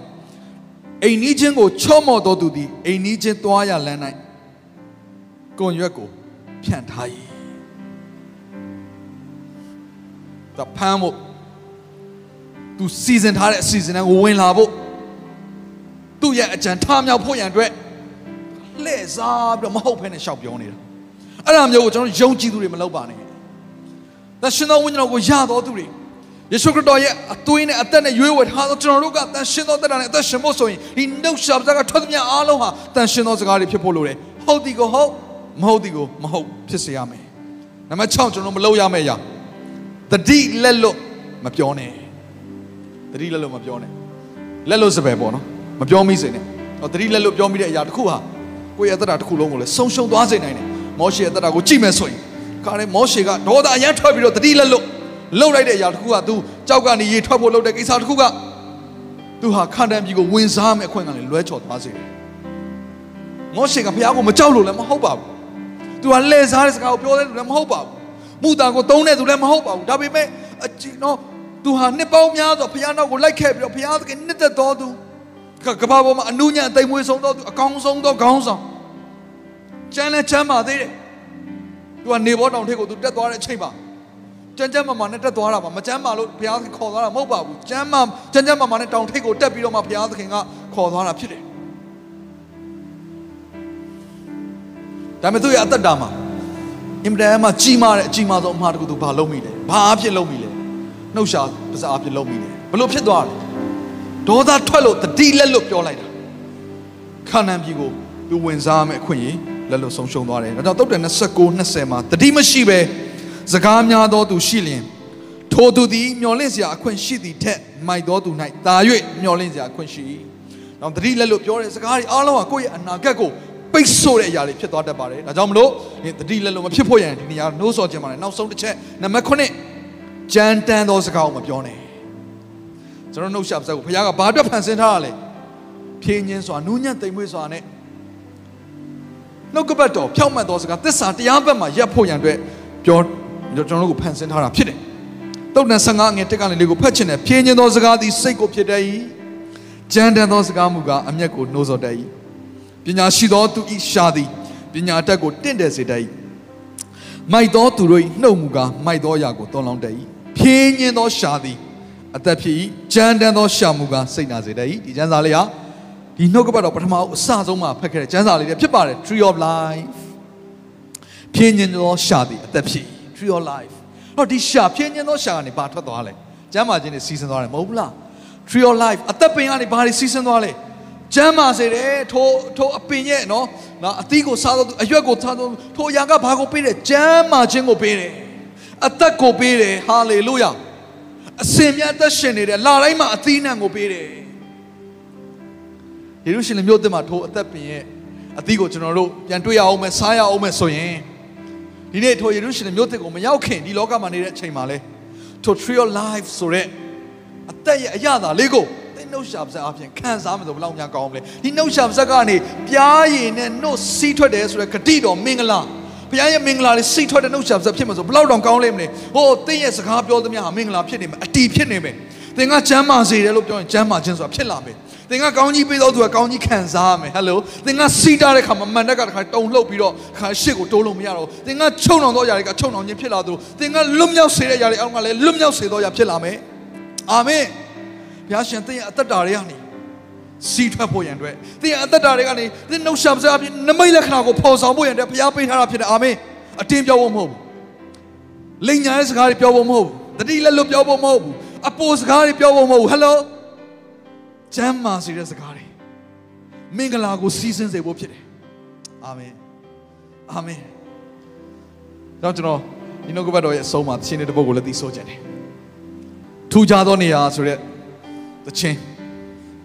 ဘယ်နေရာလဲထူခြားသောနေရာဆိုတာဘုရားသခင်ရဲ့မင်္ဂလာစီးဆင်းသောနေရာထူခြားသောနေရာဖြစ်တယ်ဘယ်နေရာကနေဘုရားသခင်မင်္ဂလာစီးဆင်းလဲ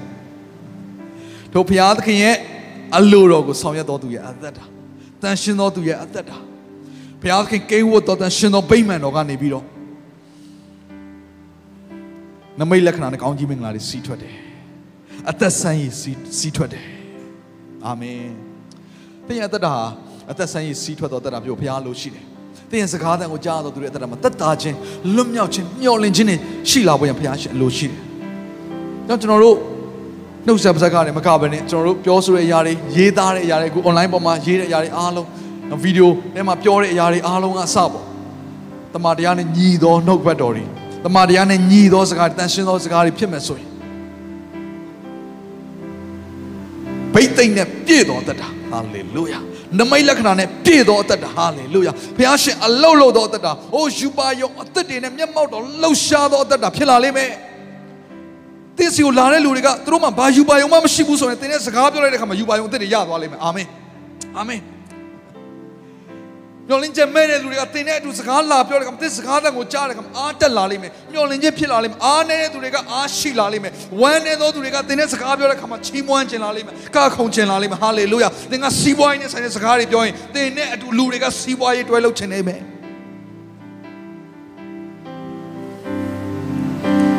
ရားကတင့်ကိုအဲ့လိုကောင်းကြီးပေးခြင်းတာဒါကြောင့်ဒီနေ့နှုတ်ကပတ်တော်အဖြစ်ကျွန်တော်ရဲ့ရှာကိုတန်ရှင်တော်ဝိညာဉ်တော်ဖရားရဲ့ လက်တော်ထဲမှာပုံအပ်ပြီးတော့ဝိညာဉ်တော်ဖရားကိုဖိတ်ခေါ်ပြီးတော့ကိုရော